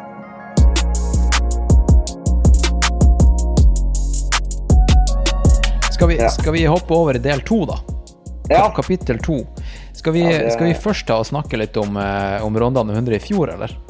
Altså Ja, din kan opplevelse og, og knivinga i tet, og hvordan, Ja. eh, hvordan det var, eh, det spillet. Det, det kan jeg absolutt gjøre. Ja. Ja, la oss gå til verks. Yes. Det her blir den litt mer uformelle versjonen. Kanskje, kanskje det her Jeg vet ikke hvordan jeg løser det, men uh, kanskje det partiet her er Patrion-content, så nå kan vi si hva vi vil. Ja, ja, men det er, Altså, det er bra. Ja. Det skal du vite, Hans, at hvis du putter på meg en femmer, så, så går skravla. Så Ja. her er det stålsette seg. Ja, nei, men fortell nå. Altså, vi løp jo Nøsen sammen i fjor. Jeg vet jo at du er en habil løper. Du, du holdt jo de 100 K-ene der ganske bra, og du, du tok meg jo på Du tok meg vel igjen, var det ca. 20 km før, eh, før målgang? 25 km? Ja. Det var jo det var første møte med deg, og med egentlig sånn eh, Kall det ultraeliten i Norge. og det var jo jækla kult. Um, og vi hadde jo en dur durabelig fight eh, på Nøsen. Ja. Eh, det var dritkult. Husker du det? Det var vel en stasjon på sånn 70 K eller noe sånt, var det ikke det? Ja, det stemmer. og vi Skal vi se her, når var det vi møttes? Vi møttes jo egentlig ganske tidlig, etter sånn 45. Fra toppen ja, etter av fra toppen av krukken noe. Ja, for da begynte jeg å sette meg ned og drite. Ja, vi hadde jo litt sånn dritefest, Ja. begge to. Eh, og så, så var det liksom frem og tilbake, og, og hver gang jeg satte meg ned, så tok du meg igjen, og så sprang jeg, sprang jeg videre, eh, tok deg igjen, og så sprang jeg fra deg, og så måtte jeg sette meg ned igjen, og så etter hvert så husker jeg jeg ble så komfortabel på det her at, at vi dreit, at Ja. eh, jeg orka ikke gå så mye til sides på stien. Jeg bare satt meg rett ved siden av dreit. Men eh, Ja, og så etter en stasjon på, på 70, så, så var det ganske langt parti på grus, og da prøvde jeg liksom å, å løpe fra det. For da hadde jeg fått i meg havregrøt, og det satt liksom i magen. Eh, og jeg tenkte at nå, nå får jeg masse energi. Og så kom vi til neste stigninga, da, opp til Jeg husker ikke hva det fjellet het, men da bonka jeg bare så ufattelig. Og da tok du meg. Ja, jeg husker den godt. Altså. Ja. Eh, det, den den stigninga var noe av det Det ga jo meg en boost da Ja, når du banka. Ja. Så, men det var, det var kul, en kul opplevelse. Og, eh, ja, den fighten med deg og ja, gjennomføringa av det løpet der ga meg jo litt sånn uh, tru på at dette var mulig. da. Uh, det var jo 100 km, og jeg hadde to hovedmål i sesongen i fjor. Det var Nøsen og Ronnan 100. Så da kunne jeg liksom kunne jeg sjekka Nøsen, og så var det bare å begynne å forberede seg mot Ronnan 100, da. Eh, Jeg gjorde et par stunt gjennom eh, sommeren der, og så ja, var vi, vi etter hvert ganske klare for, eh, for 100 miles. Men la oss, Og- la, la oss backe litt mer opp, da, siden vi nå begynner å snakke om eh, Vi har, vi har spolt litt tilbake, kan vi like gjerne spole enda lenger tilbake. Ja. Hva, hva var på en måte din eh, Hvor er du fra, og hvor gammel er du, og, og hvordan var din innfallsvinkel i denne idretten? Uh, nei, jeg er jo fra Folldalen, da. Uh, der Ronda 100 arrangeres. Ja. Uh, eller vi flytta hit da jeg var ti år, og så um, begynte vi Vi kjøpte en gard, så jeg kommer fra gård og er eh, odelsgutt. Eh, så har jeg drevet med skiskyting fra siden jeg var ti år. Um, og jeg drev med det fram til jeg var 26. Så, så til 2020 drev jeg med, med skiskyting aktivt, og satsa egentlig alt jeg hadde eh, på skiskyting i ganske mange år. Eh, og ble sånn ble ganske god, men ikke, ikke god nok. Um, jeg er jo like gammel som Johannes Tingnes Bø, så når på en måte det var eh, standard, og det var lista etter hvert, så ja, skiltes våre veier eh, da vi var rundt 20 år. Ja. ja, men det, det, jeg kan jo relatere deg. Jeg var skøyteløper og ga meg på Jeg var vel 23 år gammel, og da var jeg liksom uh, Ja, ikke, ikke god nok da, til at jeg hadde motivasjon til å fortsette. Det var liksom rett, rett oppunder, ikke sant. Ja. Og jeg, jeg følte på en måte at jeg, jeg ga så mye for å komme til det nivået jeg var på, at eh, for å komme enda videre, så visste jeg ikke om jeg kom til å klare det, rett og slett. Mm. Det er litt sånn eh, Jeg kjenner meg igjen i det, for det er, var på en måte en sånn realitet som begynte å innhente en. At uh, fader, er det her er det, rett, er det mulig? Og det nåløyet er så trangt. Det du egentlig ønsker og drømmer om, det, det kjennes så eh, Ja, nesten umulig da, å komme dit. Eh, fordi man føler man, man gjør veldig mye riktig. Man ofrer alt, og man, man gjør de prioriteringene man føler man kan gjøre, og så, og så er ikke det nok. Så for min del så overtok jo litt motivasjonen for å hjelpe andre da, til å nå toppen, eh, og heller da jobbe som trener. Eh, og så var det en sånn ultra et ultrafrø som ble sådd i det idet Inger og Erik begynte å fable om eh, et ultraløp i Folldalen. Oh ja, så det var lokale folk som tipsa deg? Ja, det var faktisk det. altså. Eller, jeg har alltid liksom likt å trene langt og lenge og pushe grenser. Jeg er vel eh, eh, Ja, uten at jeg skal være altfor bastant og sånn på det, så er jeg vel en av de skiskytterne i Norge eh, som har pusha mest og trent mest uten å få veldig mye til, ut av det, i hvert fall. Uh, Sjøl om det helt sikkert gjelder veldig mange flere. Og så, var jeg veldig glad i det ekstreme, og det Det var kanskje litt det som felte meg òg. at man eh, heller eh, kjørte den fem-seks timers økta i stedet for å dele i et par-to totimersøkter og holde det mer kontrollert. Men eh, var det din fysiske form det skorta på, altså, eller var det Det er jo mye andre faktorer i skiskyting. Du har jo for det første skytinga, men så har du jo selve teknikken og, eh, og skiene. Altså, det er mange Ja. faktorer. Altså, var, var du bedre trent enn de andre, eller var det rett og slett at du trente for mye og feil?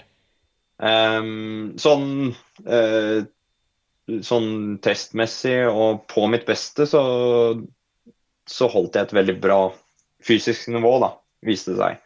Uh, men etter hvert så Jeg var jo jeg var jo egentlig en uh, langrennsløper med børs på ryggen veldig lenge. Ja, okay. uh, så min forse var jo i sporet, og så bomma jeg for mye til å, til å liksom virkelig prestere på, på et høyt nivå. Uh, det var regla veldig lenge. Um, og så er det på en måte Jeg er lang, kanskje litt sånn halvveis koordinert. Var ikke den råeste teknisk. Um, og etter hvert så detter man litt gjennom på sånn skiutstyr og sånt nå, i hvert fall når man sammenligner med det aller beste. da. Så her er det nok flere faktorer som har spilt inn, men uh, inn i ultraløpinga så tar jeg med meg et ganske bra, bra fysisk grunnlag, Ja, tror jeg. Ja. Løp du mye mens du, gikk, eh, mens du trente til uh, skiskyting, eller? Uh, ja, periodevis så, så løp jeg veldig mye. Og jeg var veldig glad i å løpe. Så mm, min sånn go to favorittøkt hvor jeg liksom virkelig følte jeg fikk vist hva jeg var god for, var jo eh, de tøffe motbakkeløpeøktene. Eh, typisk om skiløperintervall. Da Det var på en måte my time to, to shine, da. Det eller de lange løpeturene. Så det, et eller annet var det jo. Ja, ja men da, da tar du med deg ganske mye kapillæråra inn i eh, den idretten her som er gull verdt, da. Ja, Tenker jeg. Mange, eh, mange seige timer. Ja, Og- ja. Det, det tror jeg har eh, Det nyter jeg godt av. Altså. Ja. Men eh, du gikk jo ganske, vil jeg si, hardt ut da når du først bestemte deg for å begynne med ultra. Altså, du, Ja. du, du, du angrep jo sporten ganske hardt og brutalt og kom fort opp i norgestoppen. Hvordan eh, Hva var liksom eh, Hva var grunnen til det? De, de fleste gjør jo ikke det. Du, du, du starta Eh. nesten med liksom 100 km og 100 miles.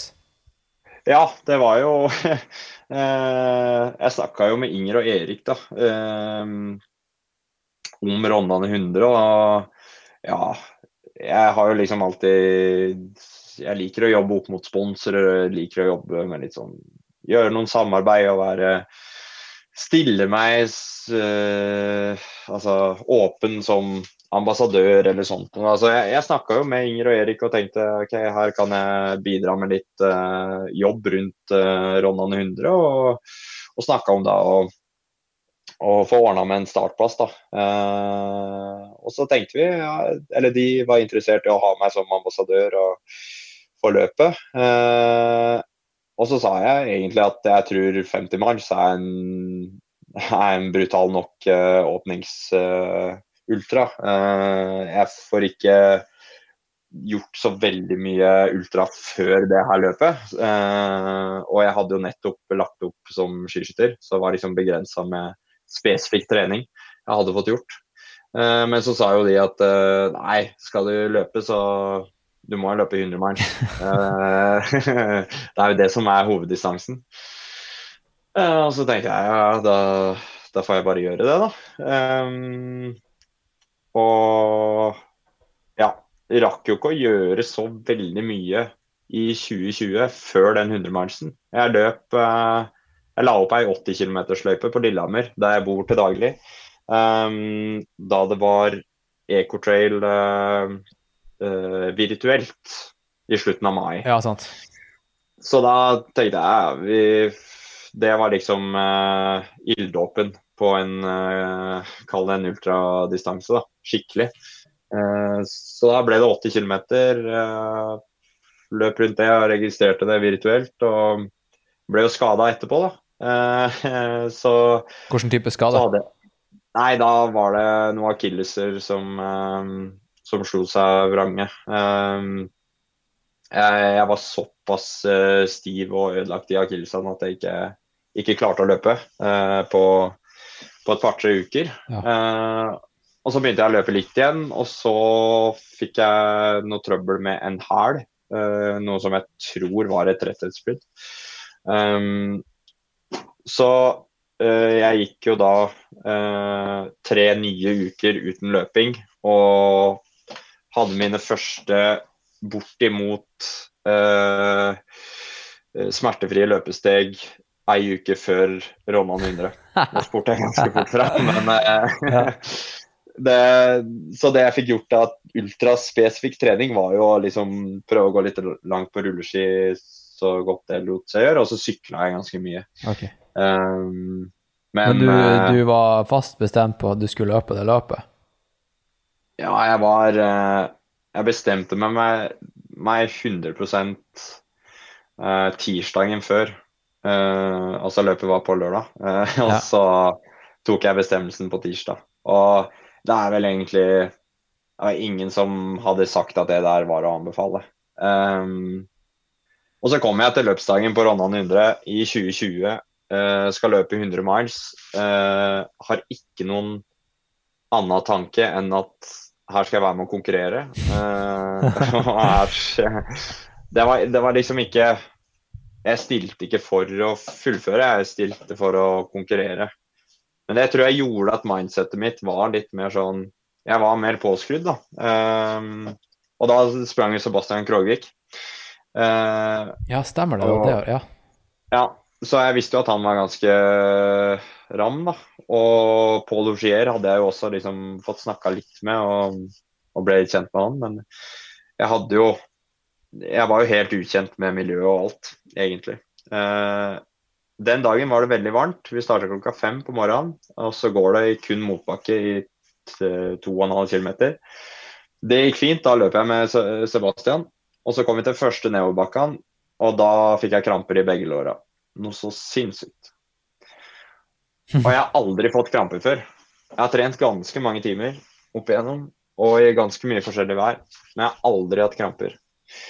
Men det fikk jeg jo da. da. Uh, og jeg hadde jo ikke med meg salttabletter. Det hadde Jeg hadde ikke salt, jeg hadde ingenting. Uh, så det så jævla dumt ut når Sebastian må løpe Han løper jo bare fra meg. Og så kommer de uh, som starta i samme pulje, de kom bakfra. Og noen av dem, jeg tror var han Tryseth, Vegard Tryseth eller noe, Ja. eh, som spurte om jeg trengte salttabletter. Og det her var etter fem kilometer, altså. Av et hundremilsløp. og så sa jeg ja, ja, ja, jeg har ikke med meg, altså jeg, jeg må jo bare ta imot. Og da fikk jeg noen salttabletter, og ja, det hjalp jo ikke veldig. Jeg sleit med kramper i hver eneste nedoverbakke. eh, etter det der. Eh, og kort for, fortalt, altså kom jeg inn på Men jeg kom meg ganske langt, egentlig. Eh, jeg kom meg til eh, Strømbu på 106 km da og, la, og la da, lå da som nummer tre. Um, og hadde Lå som nummer tre da etter at Sebastian hadde blitt uh, stoppa uh, på samme sjekkpunkt pga. noe dehydrering eller noe. Ja, stemmer det. Så- Det husker jeg, ja. ja. Så det var jo eh, Men da hadde jeg slitt med et kne også de, den siste mila og var egentlig ganske sluttkjørt. Jeg var fryktelig sliten i huet. og Jeg var jo så naiv at jeg tenkte at uh, Rondane 100 miles på, på mer enn 20 timer, det, det er ikke aktuelt. Eller det, det gidder jeg ikke. Så, altså, altså, kunne jo for så vidt det gått da. Jeg hadde brukt 11 timer eller noe. og så eh, men jeg, jeg sleit med kneet, og jeg var eh, svak mentalt. Så jeg, mm, jeg satte meg ned og fikk spørsmål om jeg hadde lyst til å sove litt før jeg eventuelt løp videre. Og det lå som nummer tre og sånt. Og jeg sov litt, men jeg valgte å, å stå av der. Eh, fordi jeg visste hva som venta meg. Og det, det kjentes ikke overkommelig i det hele tatt. Nei. Da. Nei. Så det var, eh, det var ultradebuten. Det var egentlig 106 km av et 100-mannsløp. Uh, og naiv og ja, naiv og uredd og litt respektløs, kanskje. Uh, men uh, samtidig en, en opplevelse jeg tar med meg. Eh, og jeg er vel en av få som har oppnådd en annen form for sponsoravtale eller sånt noe med en eh, med en leverandør uh, etter et løp hvor jeg har uh, brutt. Da. Det ga meg litt innpass i ultramiljøet Ja, ja. hos Salomon. Da. Ja. Og så ble jeg jo skada. Jeg sleit med runners knee i etterkant og løp jo ikke noe mer i 2020. Så det var det var én DNF og et virtuelt løp som ble liksom ultrasesongen 2020.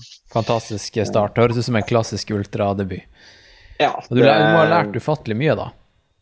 Ja, jeg lærte, lærte veldig mye. Og litt om trening òg. Jeg kjenner jo Jeg kjente jo Tobias uh, Dahl Fenre litt fra før. Ja. Uh, fordi han jobba med Fischer, og jeg gikk på Fischer en god periode. Og har liksom hatt kontakt med han uh, gjennom, gjennom ski, skigåinga. da. Og så snakka jeg med han utover den vinteren der. Eh, eller den vinteren som var, da. Og vi eh, vi fant vel ut at jeg hadde gjort ganske mange feil i, i treninga, sånn ultramessig. Um, og at det var noen ganske grove smeller som jeg lett kunne unngått med, med litt andre prioriteringer. da. Um, for jeg løp veldig mye flatt og mye hardt, og det var liksom Nå, nå skulle gutten bli, bli, løper, liksom. Ja. Um, men uh, Tobias kom med mange nyttige tips, og jeg brukte vinteren på på mye skigåing når jeg endelig fikk, uh, fikk bukt med kneet. Uh, og så ble jo ultrasesongen 2021 var jo mye mer innholdsrik og ja, givende sånn konkurransemessig, da. Uh, og da hadde jeg jo også fått, fått en del lærdom fra, fra, året før. Gjorde du noe før Nøsen, eller? I 2021? ja.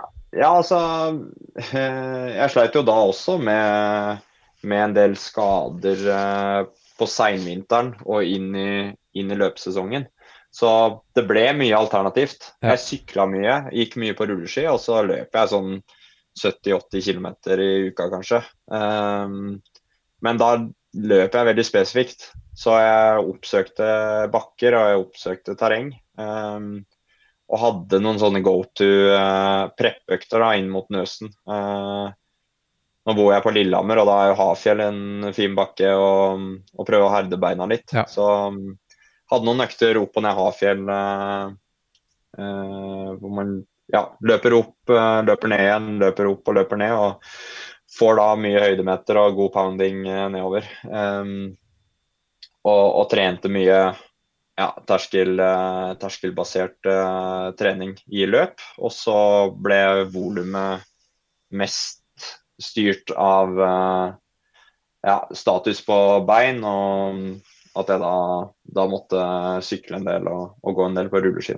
Ja. Jeg får jo en del ut av rulleskigåinga, da, siden jeg har en del grunnlag der fra før. Så det, det, det er jo et godt, godt våpen å ha når man ikke kan løpe så mye. Ja. Jeg husker vi snakka litt om det her mens vi sprang eh, på Nøsen. Det her med ja. hvordan vi hadde forberedt oss. Jeg, har ikke en veldig lik story, men eh, jeg hadde jo stressreaksjon i ryggen den vinteren der, så jeg sykla jo ja. for det meste, ikke sant. Ja, sant. Eh, så var, det var bare de siste fire ukene før racet at jeg egentlig fikk trent ordentlig. Mm. Løping, da. Ja. ja, ikke sant. Det, men det viser jo hva uh, på en måte Hvis man er herda muskulært, så tror jeg jo bare det å, det å ha nok timer, ha noen sånne ja, ultraspesifikke økter da, med tanke på varighet og, og lengde, uh, er gull verdt. da. Og så selvfølgelig, får man løpt og får bolklagt løpinga litt, så er jo det, er jo det bra. Ja. Men uh, til sjuende og sist så, så er, det, er, det, et visst volum som trengs for å, for å holde ut såpass lenge. Og, ja. I hvert fall, og skal man race, da, så må man liksom Da må man ha litt form inne òg. Eh, nytter ikke bare å drive langt. Man må, man må trene litt med litt puls og, og litt kapasitet. Har, har, du noen knep for å holde eh, motivasjonen oppe underveis? Eller kanskje ikke motivasjon, men uh, gnisten til å pushe i mange timer? For at jeg det er kanskje noe av det jeg måtte lære meg over flere sesonger, er liksom det her med at når du kommer til La oss si et 100 km-løp, for å bruke prosenter. Når du kommer til 70% eller 70 km ut i løpet, at mm. du er egentlig ganske ødelagt og kanskje mentalt ute av det, men har, man har fortsatt krefter, men det er liksom bare den der switchen som må skrus på for å tvinge deg sjøl til å fortsette å holde koken. Ja. Det syns jeg, det... jeg, har vært kjempevanskelig, og, og det er kanskje den, faktisk det vanskeligste. Ja, det er, det er jeg helt enig i. Og jeg vet ikke om jeg har, uh, har naila det sånn 100 For jeg føler det går det går så veldig opp og ned på, på slutten av et såpass langt løp. da. Ja. Hvis vi tar 100 eh, km, så er ja. på en måte de, de 30 siste, da, da uh, da er du liksom du er avhengig av å ha en sånn derre eh, Enten ytre push eller en sånn tydelig eh, At du har bestemt deg for, på forhånd om at OK, her, her handler det om å, å pushe, eller eh, her har du muligheten til å til å trykke litt ekstra på gasspedalen. da. Eh, hvis du tar Nøsen, så var jo en sånn ytre motivasjon for meg var jo Den ytre downen kom jo av at du løp fra meg på gruspartiet. Ja, Eh, ja. Uh, så, um, men så var jeg Jeg hadde merka meg i løpet at fader, oppover Oppover er Her holder jeg ganske bra trøkk, da. For jeg visste jo ikke det. Jeg hadde jo aldri løpt mot noen ultraløpere før, sånn egentlig. Ikke head to head i hvert fall. Så jeg så liksom at Og så kjente jeg at jeg hadde litt eh, power oppover. Og når jeg da ser deg og liksom vet at Å, fy faen, Jeg at- gikk tregt opp der, ass. Der er tredjeplassen, liksom. Ja, ja. Um, så, så kommer det der eh, konkurranseaspektet inn, og jeg tror jo Altså, det er jo Det er jo helt sånn narsissistisk å si at, eh, at det er liksom pallen og den plasseringa og Nei, men det det det handler om. det det det handler om. Men på en eller annen måte så, så må du jo bruke det for det det er verdt. da. Ja. Hvis det er det som driver deg, så, så finn motivasjon i den plasseringa du, du kan oppnå. Um, og så og så tror jeg du bare Så må du pushe. Uh, uh, jeg, jeg vet ikke helt hva som gjør at man, man orker eller ikke orker, men eh, det er helt klart at har du energi, har du, klarer du å få i deg energi eh, og har eh, glykogenlagre eh, tilgjengelig, så, så hjelper det helt klart. Ja. Eh, men eh, pushe mot mål eh, er egentlig eh, bare det det handler om, å prøve å få de der kilometera unna. Altså. Um, du Vi er jo vi er jo spesielle alle sammen som driver med det her. Noe rart foregår oppi huet vårt. Og jeg tror eh, alle må bare finne sin, eh, sin en eller annen form for ytre motivasjon og en eller annen form for indre motivasjon, og så får man bare bruke det for det det er verdt. Ja. Men eh, du, den sommeren der, da, fram mot, fram mot Rondane, gjorde du noe race da? Jeg gjorde ikke noe race, men jeg løp Jeg hadde veldig lyst til å løpe en eh, trasé i Rondane som heter eh, Rondane 2K maraton. Som Ja, går den- da ja. fra uh, uh, Fra Ronnasbu um, over alle ti 2000-meterstoppene i Rondane og avslutter på Ronnasbu. Så det er på en måte noe jeg har tenkt på egentlig i flere år. Um, men som jeg endelig da fikk gjort. da, Og la inn det i en sånn veldig spesifikk treningsbolk med, med mye høydemeter og mye trening. Både løping og gåing i Rondane, faktisk. Var planen å Eh, sette en FKT, eller skulle du bare gjennomføre løypa?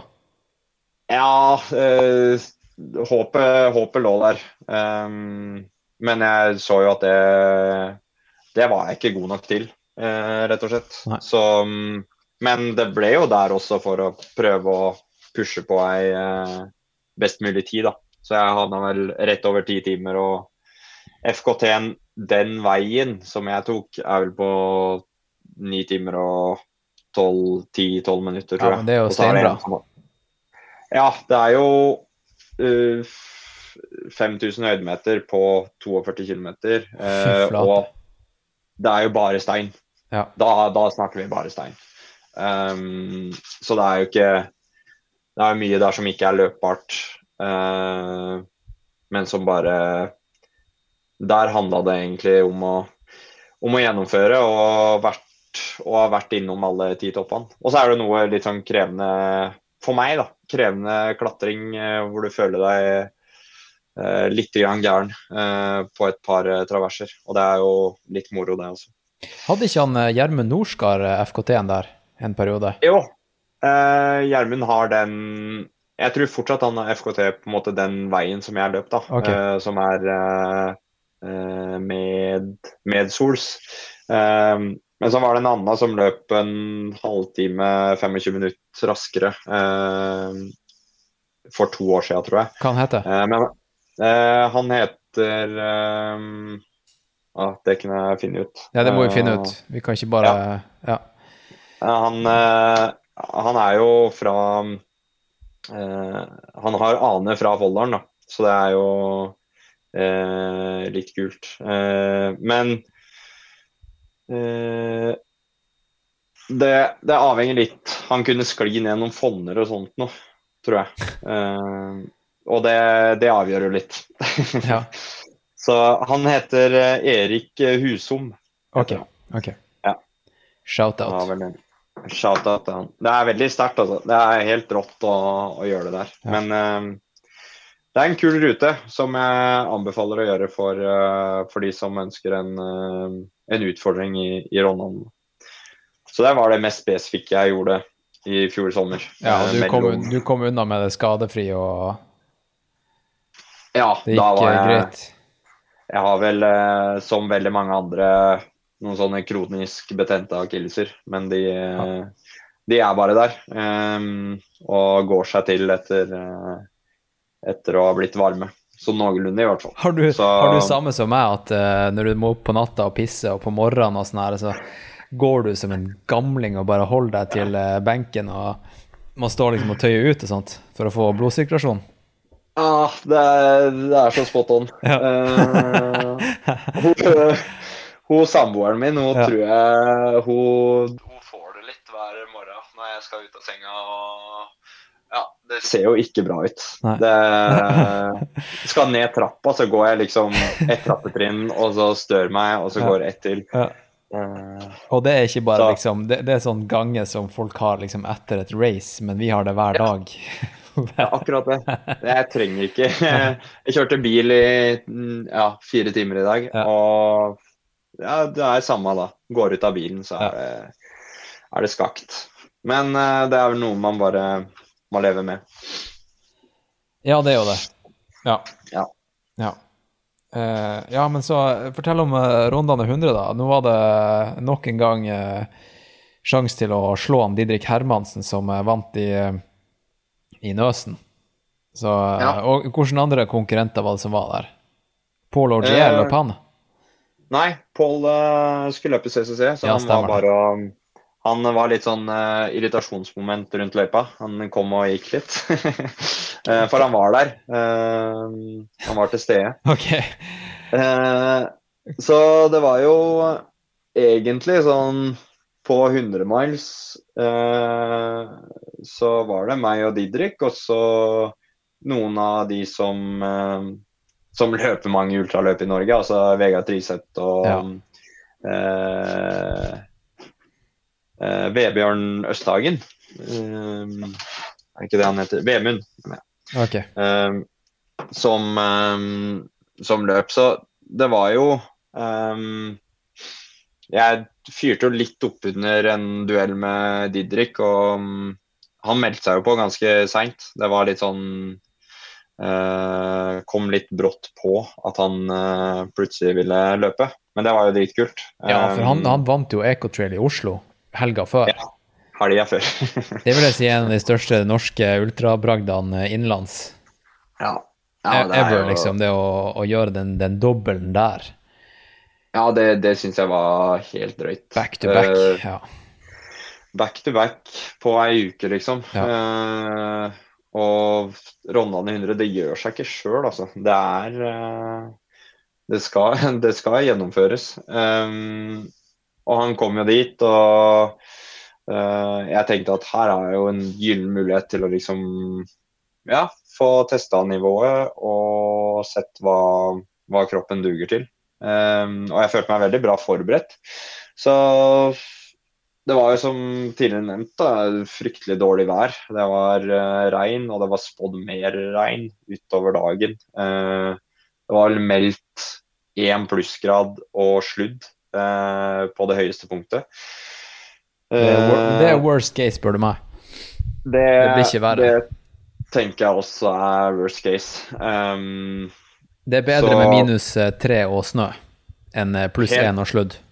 Ja, fy fader. Eh, Ti av ti ganger Ja. tror jeg hadde tatt Ja. det. altså. Ja. Um, så man var jo på en måte forberedt på at det skulle bli en krig, men samtidig så Ja.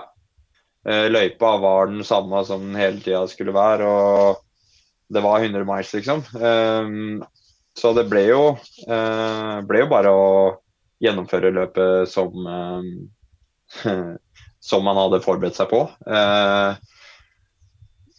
etter liksom å ha vært skiløper og løpt litt kortere løp og sånt noe, så er jeg liksom vant til å åpne knallhardt og sånt noe. Eh, det skjer jo ikke på en 100 miles. Eh, det er ganske unikt for meg da, at man kan løpe ut fra start og snakke. Eh, og at liksom her er det her er det is i magen på hele gjengen. Men det viste seg jo fort at jeg og Didrik eh, vi, vi var de som eh, skulle pushe tempoet litt fra start. Um, og holdt en sånn fin flyt.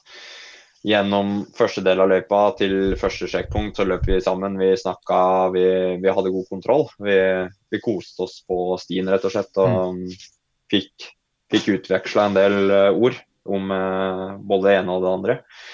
Um, Didrik har jo masse erfaring og er jo veldig eh, er en jækla fin fyr å snakke med. Så jeg lærte jo veldig mye av den turen der. Um, og så ble vi jo enige etter hvert om at uh, på de her partiene så pusher vi litt, og her så holder vi igjen. Og det, det var liksom litt av erfaringa til Didrik òg på, på sånne type løp. At hvor er du bør pushe, og hvor er det ikke, ikke bør pushe. Um, og hvor er du får kilometer av billig, da.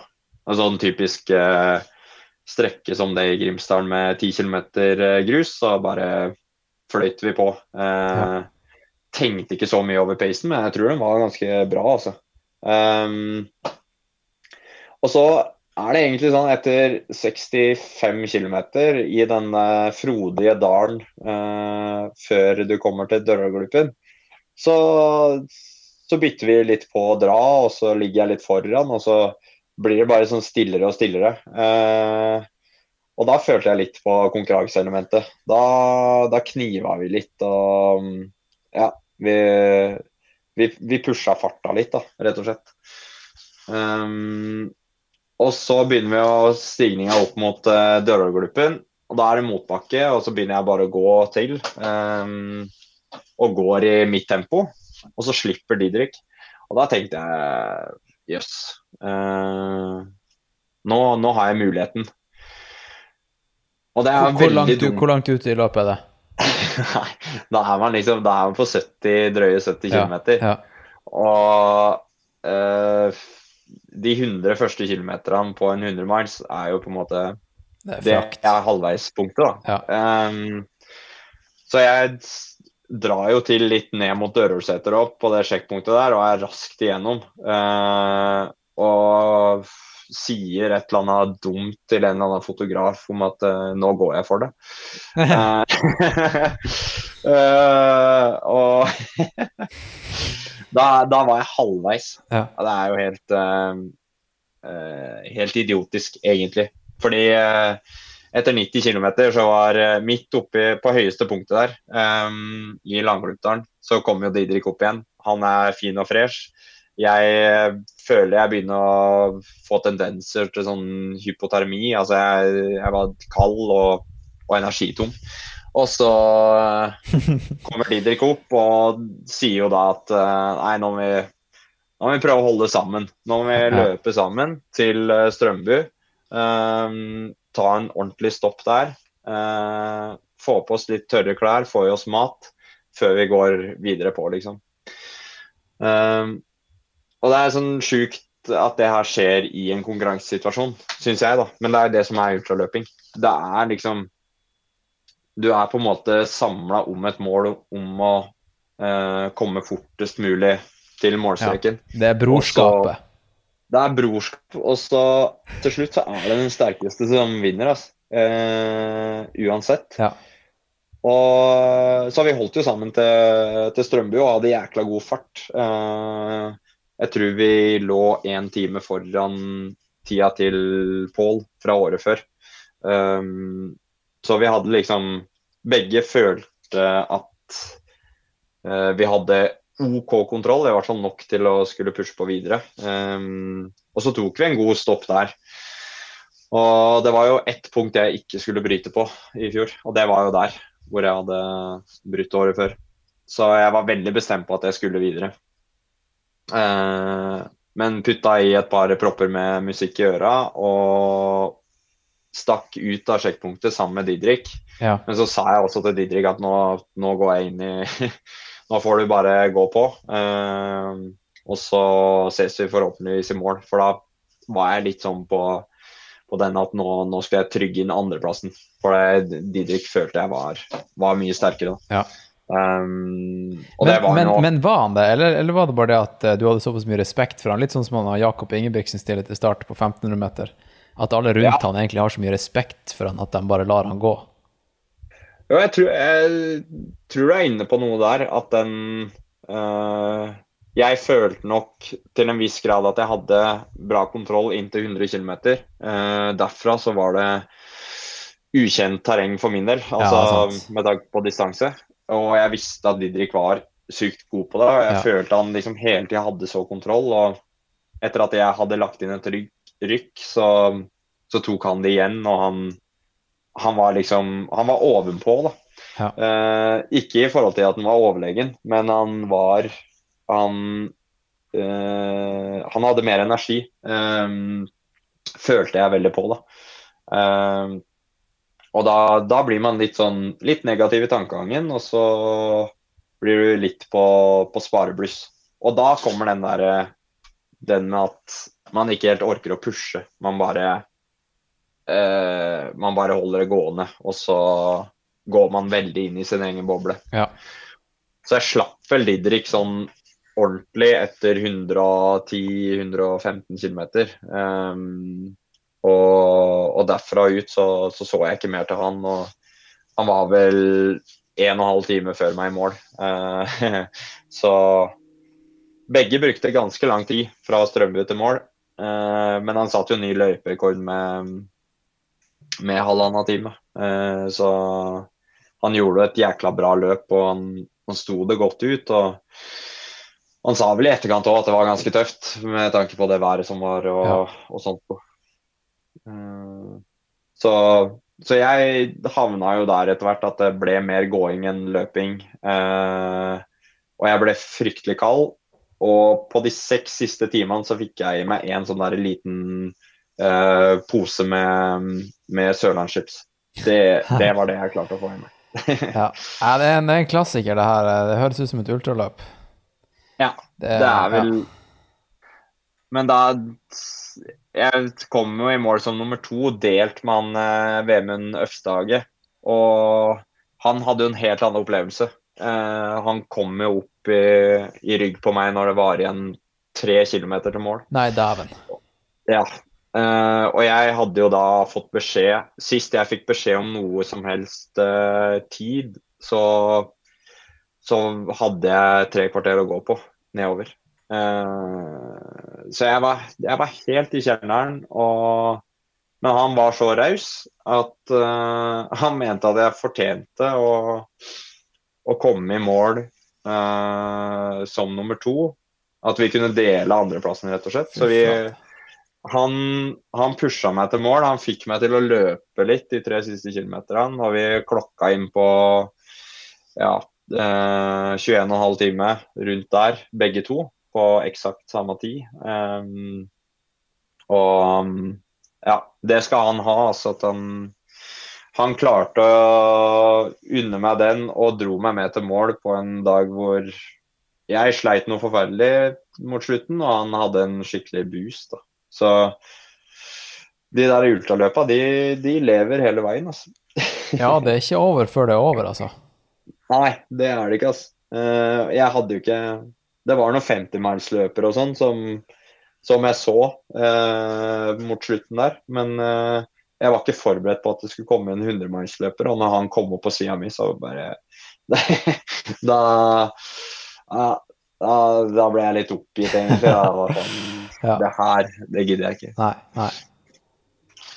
Nei, jeg kjenner til den følelsen der å bli tatt igjen på oppløpet, holdt jeg på å si. Ja, nei, det, det er ikke noe fett. Du har ikke, du har ikke lyst på et spurt, spurtoppgjør etter å ha løpt eh, 157 km.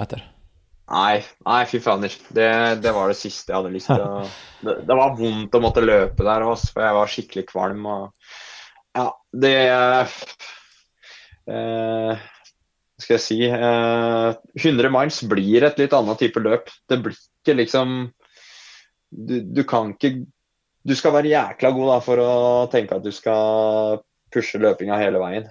Jeg vet jo at Sebastian Krogvik han sa vel at det burde være mulig å gjennomføre på 16 timer da han løp. Men eh, jeg, jeg tror nok også han skulle All respekt til han. altså En sykt god løper. Eh, men jeg tror jo den pushinga i varmen da han prøvde seg, det, det gjorde jo også at han ble Fikk smake det litt, han òg, og, Ja. og ikke kom seg til mål. Men Ja. eh, ja. Det blir fett å se hvordan han gjør det i UTMB. Ja, det blir, det blir helt rått. Han, uh, han er så vilt god. Uh, og det er et ekstremt nivå, nivå på det han holder på med. Så, så der eh, Det er mange fra bortpå som driver og trener borti Åndalsnes-området, som har gode sjanser i diverse UTMB-løp i år. Ja, absolutt. Jeg skjønner at du også skal, skal over dit. Ja, jeg, fly, jeg flytter jo faktisk eh, nå eh, på søndag. Å, fy fader. Ja. Ja, det, det er rimelig rått. Da blir det høydemeter. Da blir det høydemeter. Det er det ingen tvil om. I går var jeg i Varingskollen og, og pusha jeg, tror jeg, jeg var fem ganger på toppen. Så ble det vel Fem ganger i Varingskollen. 1600-1700 høydemeter. Ja, det er eh, Det er en solid en. Det er eh, Ja, men ikke sant, Det er sånn 1700 høydemeter det får du jo bare på én tur i, i Romsdalen. Mens eh, her må du virkelig jobbe for det, og så er det dritkjedelig. Ja. Eller man finner jo gleden i det, da, men det er ikke sånn at du liksom Du gleder deg ikke til å ta det toget til Varingskollen for å liksom bare sette på, eh, på musikk og skru av hjernen i tre timer, ikke sant. Det er, det er ikke noe det er ikke noe turaspekt der, og det, det, det er derfor vi driver med idretten. Ja. Det er, det er jeg helt enig i. Det er Vi må bruke Så godt det lar seg gjøre, da. Bruke treninga til, til å liksom få noen gode opplevelser òg. jeg tror jo at det å løpe løp, melde seg på litt sånn lavterskelløp hvis det kan passe inn i treninga, er jækla bra òg, da. Fordi det kan gjøre at man utvider horisonten på, på, på nytt terreng eller nye steder og sånt noe. Og også det å oppsøke fjella, da. Det er jo, Ja, det er jo en veldig, veldig stor del av, eh, av det vi driver med. Ja. Men hvordan har din, eh, din uh, opplevelse vært? Altså, du starta jo med det her i eh, hva, hva du sa du var 26? Eh, ja, Så hvordan har- 26, ja, 20, 2020. Ja, altså hvordan har din reise vært med å liksom finne ut av hvordan løp er det man er, er det som er liksom the shit, og hvem er det som er hvem, og eh, Eller har du vært litt sånn interessert i det her før du starta med det? Ja, jeg var jo Jeg visste egentlig veldig lite om ultraløping eh, før jeg begynte med det. Eh, så det ble litt sånn Det var en interesse som vokste eh, ganske raskt når, eh, når det kornet med, med Ronnan 100 ble sådd. da. Ja. Eh, det var jo da Jeg visste jo ikke hva Western States var, eller UTMB var eh, vinteren 2020. Eh, Nei, sant. så, eh, så har det bare åpna seg en sånn dør med ja, eh, flust av muligheter og inspirasjon, og man ser liksom ja, løpemiljøer, sånn som dere i, Skyblazers. Da, og eh, type løp rundt om i Norge eller i verden som virker interessante. Og, og ikke minst det ultraløpemiljøet, som er Det er et konkurransemiljø eh, som jeg digger, men samtidig så er det så raust og inkluderende. Eh, og mye mer enn det jeg har, har sett noen gang i noe annet miljø. Eh, jeg liker jo skiskyting, altså jeg jobber jo med skiskyting og, og syns det miljøet er, er kult. Men eh, men ultramiljøet er det, er det ingenting som kan sammenlignes med. Altså. Det, det er bare noe Det er litt som en sånn sekt, nesten, som du bare blir sugd inn i. Og så Ja. kommer du deg ikke ut. Nei, men det er liksom ikke en sånn type sekt som, uh, som crossfit eller uh, veganere, der uh, du blir Eller eh, Jehovas vitne, der du liksom blir virkelig Ja, hva man skal si Sett skikkelig ned på, da, hvis du quitter. nei, nei. Du Ja, alle, alle er inkludert, liksom. Ja, det, det, det var liksom neste poenget. At uh, her har du veldig mange forskjellige personligheter da, uh, og typer. Og du, det er liksom samme om du er uh, Altså om du er litt som meg, da, som kanskje liker å stikke meg litt ut og gå litt hardt ut iblant og ja, får smake på det, eller om du er går litt stillere i gangene og er med for å få noen kule opplevelser på, på stien, så, så kan vi liksom møtes over den samme konkurransen, da, eller på den samme økta, og, og ha det jækla trivelig og kult Mm. eh, sammen. Og det Nei, det, det syns jeg er bare sjukt inspirerende og rått, og noe som gjør at jeg får lyst til å fortsette å drive med det her. og at det ikke nødvendigvis er uh, uh, Man trenger liksom ikke å få veldig masse rikdom og ære ut av det. Uh, Annet enn uh, rent personlig. At man, at man får realisert seg sjøl. Ja, ikke sant? Jeg kaller det en litt sånn pervers form for sjølrealisering for Ja. min egen del. Ja. Kvartlivskrise. Ja, Ja. rett og slett. Jeg hørte på en podkast nå i dag tidlig om, eh, om eh, det her med Siden det er VM i friidrett akkurat nå, da. Ja. Og eh, det var vel hun der Alison Felix som skulle legge opp noe etter VM. Mm. Eh, og så, Det her var en ultraløperpodkast, og de, de sa liksom det her med at det er ikke så ofte at du hører ultraløpere som legger opp. Altså, det her er liksom noe du, du driver med resten av livet. Alt en gang, alt, en gang ultraløper, alltid en ultra... La, la meg prøve å si det på nytt igjen. Og jeg tror lytterne vet hva jeg skal si. Så Ja. en gang ultraløper, alltid ultraløper. Så liksom, Ja. har du gjort ett løp, så Du trenger ikke å si at du har slutta. Er det lagt opp? Du, det, du, kan, du kan ta skoene ned fra hylla gjennom 20 år, liksom. Mm. Siden Sondre Amdal er jo godt over 50 nå og crusher det. Ja, ja, ja. ja det, er det, som, det er det som er så fett, da. Og det, det, det tror jeg gir litt sånn ro òg. Også for min del. Altså, nå er jeg 28, eh, og så uh, ser jeg liksom for meg at det her er jo noe man kan drive med dritlenge. Og det går kanskje perioder hvor man får trent litt mindre, konkurrert litt mindre, men så kan man ta det tilbake igjen. Eh, og jeg tror det var Didrik som sa det til meg, at eh, det som er så sjukt kult, det man skal sette pris på når man er ultraløper og begynner å komme litt ut, opp i åra, så det er faktisk jævlig kult å kunne si at du er 45 og kan løpe, løpe 60 km eller 100 km eller 100 miles. Og, og du kan gå på jobb to dager etterpå. Sant det? Det, det er ganske fett. Ja. Uh, så nei, her er det eh, Her er det mye glede og mye, mye kult som, som kommer fram. Og jeg tror, eh, tror vi bare må, må sette pris på at vi har det miljøet vi har da, eh, i Norge òg. At det begynner å bli litt, litt miljø rundt ultraløping. Ja, og så er det egentlig ganske kult at eh, de folkene som er på en måte initiativtakerne og miljøskaperne, er dem de er, da. Det Ja. virker som at det er fine folk rundt omkring i landet som, er, som tar de her høvdingrollene.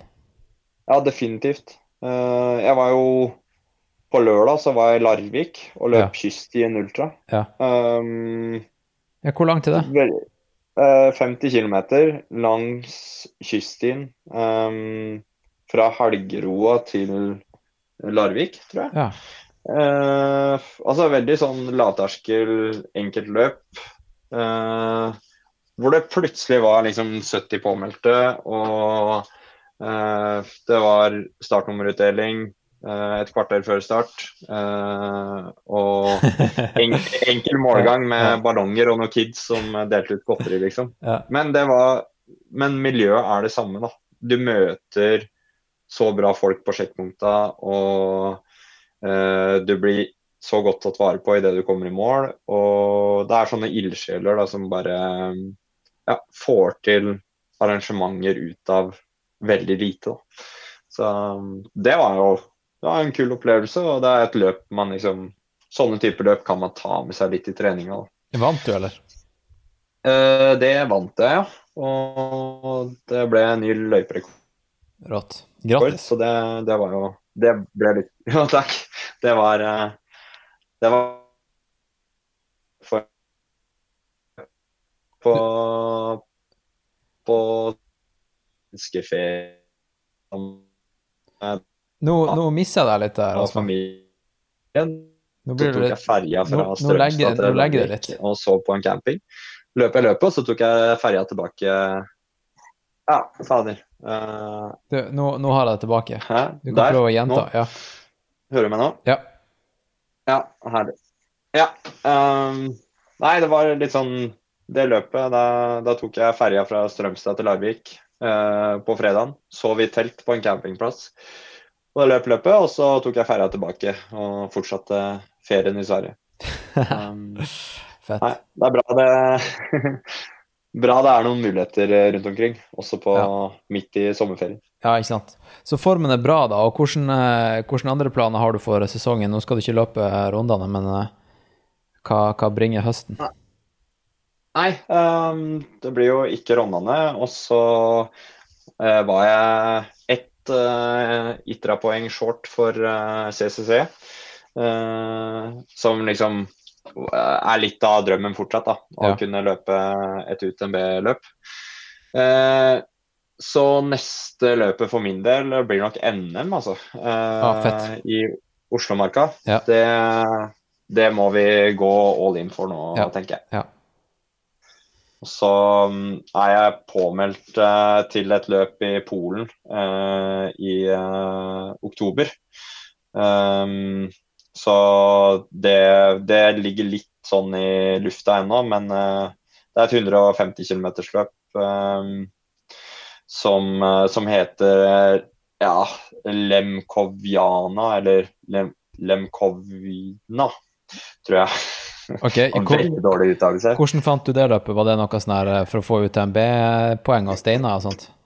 Ja, det er ehm, Det er litt med tanke på, på Itra-rating. Og så er det han Sebastian Mamai eh, som eh, driver og filmer litt for Salomon, eh, og som skal filme i, i Rondane, som, eh, som ordna en startplass til meg. Eh, som kunne lokke med et, eh, et løp hvor det var mulig å dra på greit med Itra-poeng. og og få bra med konkurranse. Ja. Så det Hvis uh, pengesekken er stor nok uh, med, for min egen del, sånn at jeg kommer meg over og får, uh, får reist bort, så, så blir det nok å løpe det. Det blir ditt første internasjonale race. Ja, det blir det da, altså. Ja. Så det hadde vært kult. Polen i slutten av oktober, det høres jo litt sånn grått og trist ut, men Nei, jeg tror ikke det, altså. Det er i hvert fall mindre grått enn i, i Norge. ja. Ja, det er jo sant, Så Det er nærmere ekvator. Det- Ja, det har du helt rett i. Ja, riktig måte å se det på. Så vi, vi satser på NM og forhåpentligvis det løpet i Polen. Eh, og så får vi se om eh, det blir tid til noe småstunts imellom der. Ja. Jeg skal prøve å være, komme og se på NM. Ja, Kanskje gjøre noen podkast og intervjuer og, og ta med meg noen caps jeg kan selge i målområdet. ja men det, det, det er strøkent. Det er eh, et godt marked for uh, fuck asfalt-capser. Du vet hva jeg har gjort nå? Jeg har, faktisk eh, bestilt har designa opp et sånn her beachflagg Åh, med Rått. fuck asfalt. Og, og der, er, der er du på posteren. Det er det bildet av meg og deg fra Nøsen. Det er bildet vårt, fader. Det, Ja. det går igjen overalt. Det er dritfett. bakgrunnen på Mac-en min. Ja. Der jeg sitter nå. Min også. Ja. Så jeg snakka med, med han Paul Magnus, uh, race director i eh, Nøsen. Han sa det var he Ja. helt OK å, å bruke det bildet.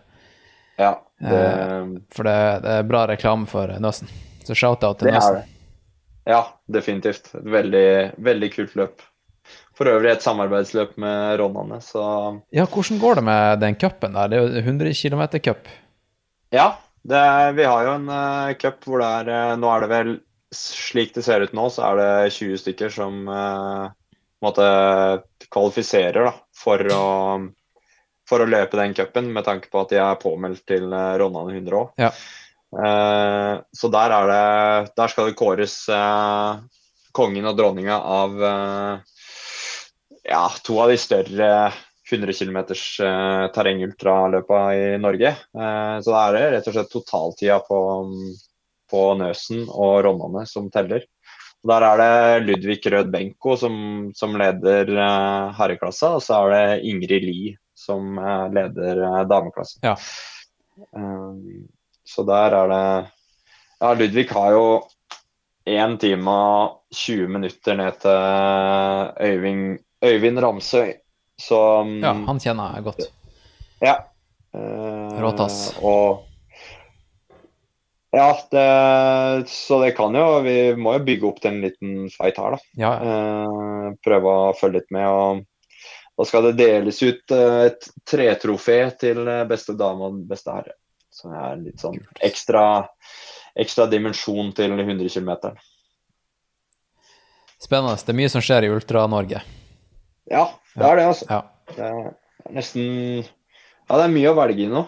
Uh, og jeg ser jo det at eh, Ronnane 100 det konkurrerer jo liksom med Stranda eh, helga før, og så kommer B to uker etterpå. Ja. Så det er litt sånn Men det er eh, Med Ronnane 100 så er det ganske strengt med tanke på når man har eh, mulighet til å arrangere.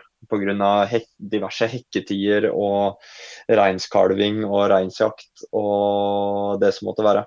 Så mm, da har vi et eh, tidsrom på to uker i starten av august hvor vi har lov å arrangere. Ja. Men det er, jo, det er jo såpass stort, eller det begynner å bli såpass stort marked nå at uh, Ja, altså for sånn her type løp, da. At uh, det, Ja. det er plass til alle, tenker jeg. Ja, det er det. Og det er, det er bare bra at det er et uh, bredt tilbud der ute, og at alle kan finne sitt løp. Og, og så en del, som vi var inne på i stad, eh, ultraløping handler jo om å oppleve uh, Stian, terrenget uh, og liksom hele atmosfæren rundt, rundt de ulike løpa. Da. Så um, løper man ett løp det ene året, så kan man ta et annet det neste. Ja, ikke sant? Skal vi, skal vi runde av, eh, Åsmund? Det kan vi gjøre, Hans. Det har vært en solid eh, prat. Ja, veldig bra. Det var sykt gøy å få være med og skravle litt. Det, Gøy å snakke ultra. ja, det er det, ass. Jeg har prata ultra i hele dag. Løper langtur med en, jeg løper langtur med en kompis i stad og prata Ah. ultra, hele veien. Ja, ja, ja. Men det er, det er fort det det blir til, da. Det er jo Jeg, jeg vet ikke om du har sett han derre Kevin Ramsfjell som driver går eh, Norge på langs på rulleski nå? Jeg har hørt Han om han. Jeg har ikke fulgt med. Ja. Har han starta? Ja, han har starta, så han har gått i Han har gått i fire dager og har gått uh, 1000 km. Men da, det, hvor mange, da er det vel Hvor mange, hvor mange kilometer skal han gå, da? Han skal gå Hvor mange kilometer ja, er det? det? Det er over 2000? Jeg tror det er sånn to, 2005 eller noe. Ja, sant. Og han, han skulle prøve å ta det på seks dager, var det? Nei, 13. Jeg 13, tror det er en ok. annen Ja. Ja. Da ligger han jo på um, skjema, da. Cirka. Ja. ja. Så han må jo Han må, må gå såpass. eh. Men eh, han er jo også litt sånn eh, Han er jo kanskje en fremtid, fremtidig ultraløper som skal, skal hevde seg litt hvis han er skadefri og sånn. Så Ja. hadde, hadde en løpetur med han med, med bare ultraprat her for, uh, for et par uker siden. Men uh, Så han han skal da er, fullføre dette. da. han er gira. Ja. Han er gira. Ja. Han er veldig gira. Ja, Det kan bli skummelt. Det, han er ikke den eneste som springer i Norge, eller som er på Norge på langs uh, opplegg nå. Hun er Mona Kjelsberg, vet du. Ja, åssen går det med henne? Nei, jeg tror det går greit, altså. Ja. Jeg er ikke helt sikker ja, på er hvor greit. hun er nå, men uh, Men nå er i hvert fall eh, og Hva det er nå, to uker på, på vei, eller noe sånt? Ja, dæven. Ja, det er, det er rått å gjøre det der på sti, altså. Eller det er jo rått uansett, men uh, Nei, det er, det er fett at folk uh, gjør noen uh, Gjør noen stunts. Det, det trenger vi. Det er jo, det er jo jeg som springer jorda rundt nå. Jorda rundt. Jorda rundt. Jeg sendte ut Jeg vet ikke om du er med på det nyhetsbrevet til Noe det alvor? Ja. ja. Da, I siste nyhetsbrevet så linka jeg til nettsida hennes. Der kan du følge Ah, henne. Nå er hun i Australia. Shit. Så hun har straks løpt eh, Det var hun startet med Australia, så, så jeg tror jeg snart Hun løp vel fra, fra vest til øst. Dæven. Så um, Ja. det er vel noen regler Jeg vet jo at det er noen regler med liksom hvor man Hvor det er lov å ta båt og Ja. Ja. Det er mye Ja, det er det er ganske intrikat, men eh, ja. Ja.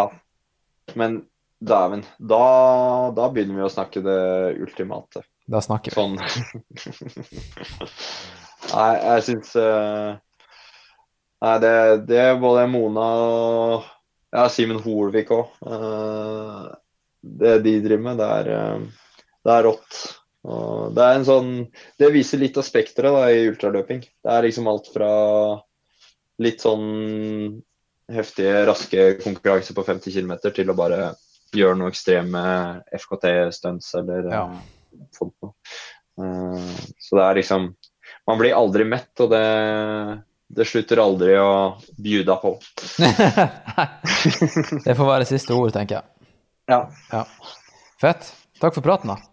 Jo, takk for praten, Hans. Vi, vi hørs. Vi hørs. Vi hørs. Hei, gjør hei. hei. Ha det. Da sier jeg over ut. Eh, Roger Knut. All right, folkens. Tusen takk for at dere hørte på denne episoden av uh, Nå er det alvor.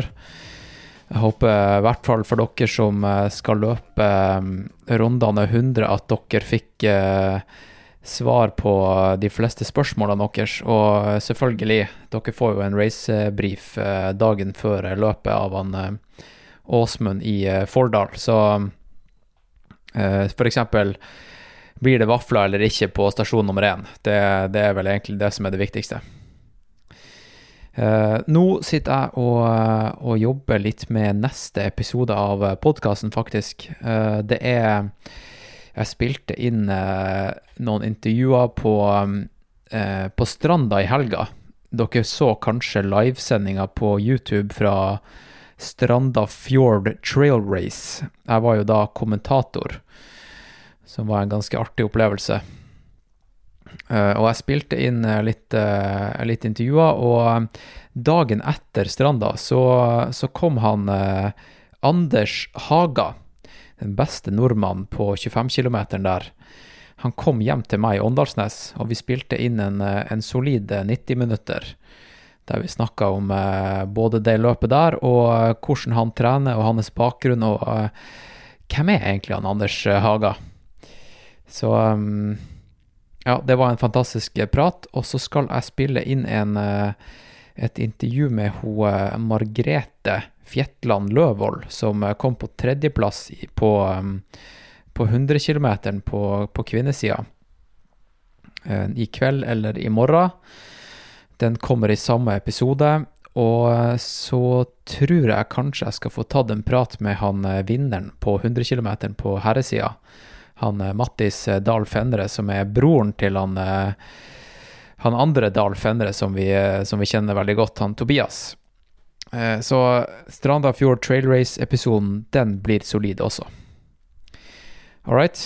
Ta og Klikk dere inn på patrion.com slash nedaproject, så får dere tilgang til den episoden. Og så har jeg laga et Excel-ark der jeg har laga en oversikt over alle episoder som er tilgjengelig på iTunes og Spotify, og alle som er låst bak eh, betalingsmuren på Patrion. Så hvis dere lurer på eh, hva dere får av Patrion-abonnementet, så er det ikke bare ca. en episode i uka, men det er også flere hundrevis av eh, timer med ultra- og klatre-content. Um, nå mens jeg har dere her, da, så kan jeg informere dere om at jeg har starta et nytt prosjekt, og det er et nyhetsbrev som kommer ut ca én gang i uka eller annenhver uke. alt ettersom eh, hvor mye det er som skjer i ultrasfæren. Og det er nettopp det jeg tenker å, å eh, informere dere om i nyhetsbrevet. Det er egentlig alt av type podkaster og videoer og, og nyheter fra, fra ultraverden og klatreverden og alt jeg egentlig konsumerer. Kurert. Jeg tar jo selvfølgelig ikke med den driten jeg, konsumerer i løpet av uka, kun det beste. Og da er det som regel bare en liste med linker til eh, ting jeg har funnet interessant. Artikler, forskningsartikler om ernæring, trening, podkaster, bøker jeg leser. Så hvis du er gira på å få det inn i innboksen din en gang i uka ca., ta og eh, klikk dere inn på nåerdealvor.no, og så kan dere scrolle ned i futteren eller klikke på nyhetsbrevlenken, og så taster dere bare inn eh, e-postadressen deres der, og så, så kommer den inn i din e-postinnboks automatisk. All right. Da tror jeg egentlig at jeg sier det sånn, folkens. Så får dere ha en eh, strålende eh, uke videre. Og til dere som skal løpe eh, rundene, don't be shit. Over og ut. ut. Eh, Roger Knut. Roger Kid.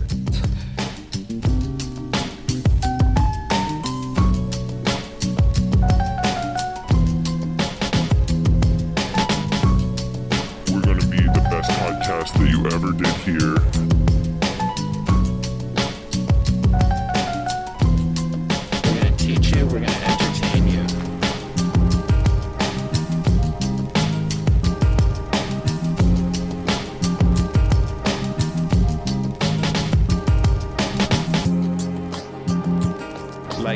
Spears once said, I just wanted, and I wanted something different too. And I listened to a lot of like Selena Gomez, and um, I just think her vibe was like really, really cool and moody and sexy. So I wanted to kind of play into that a little bit. So Yeah, because it's classic Britney, but with a bit of a progression, I guess. Because the music is very different now to when you Yeah. first launched. It's not just pop band. yeah, it's it's very different. Yeah, that's why I like this. This is the best record I think I've done in a very long time there are those of us who observe and those of us who are here to entertain. The lifestyle looks amazing. Yes, it's fun. It's it's a lot of fun. I'm very spoiled.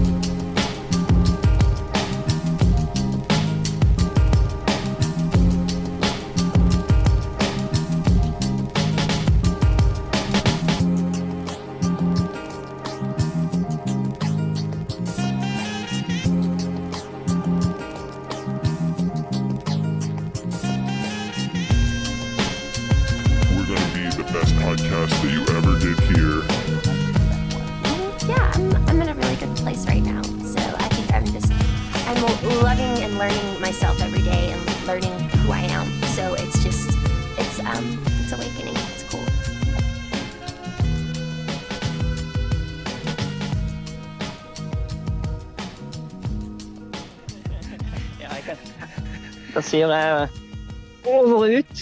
Ja. Eh, Roger Knut. Roger Kid.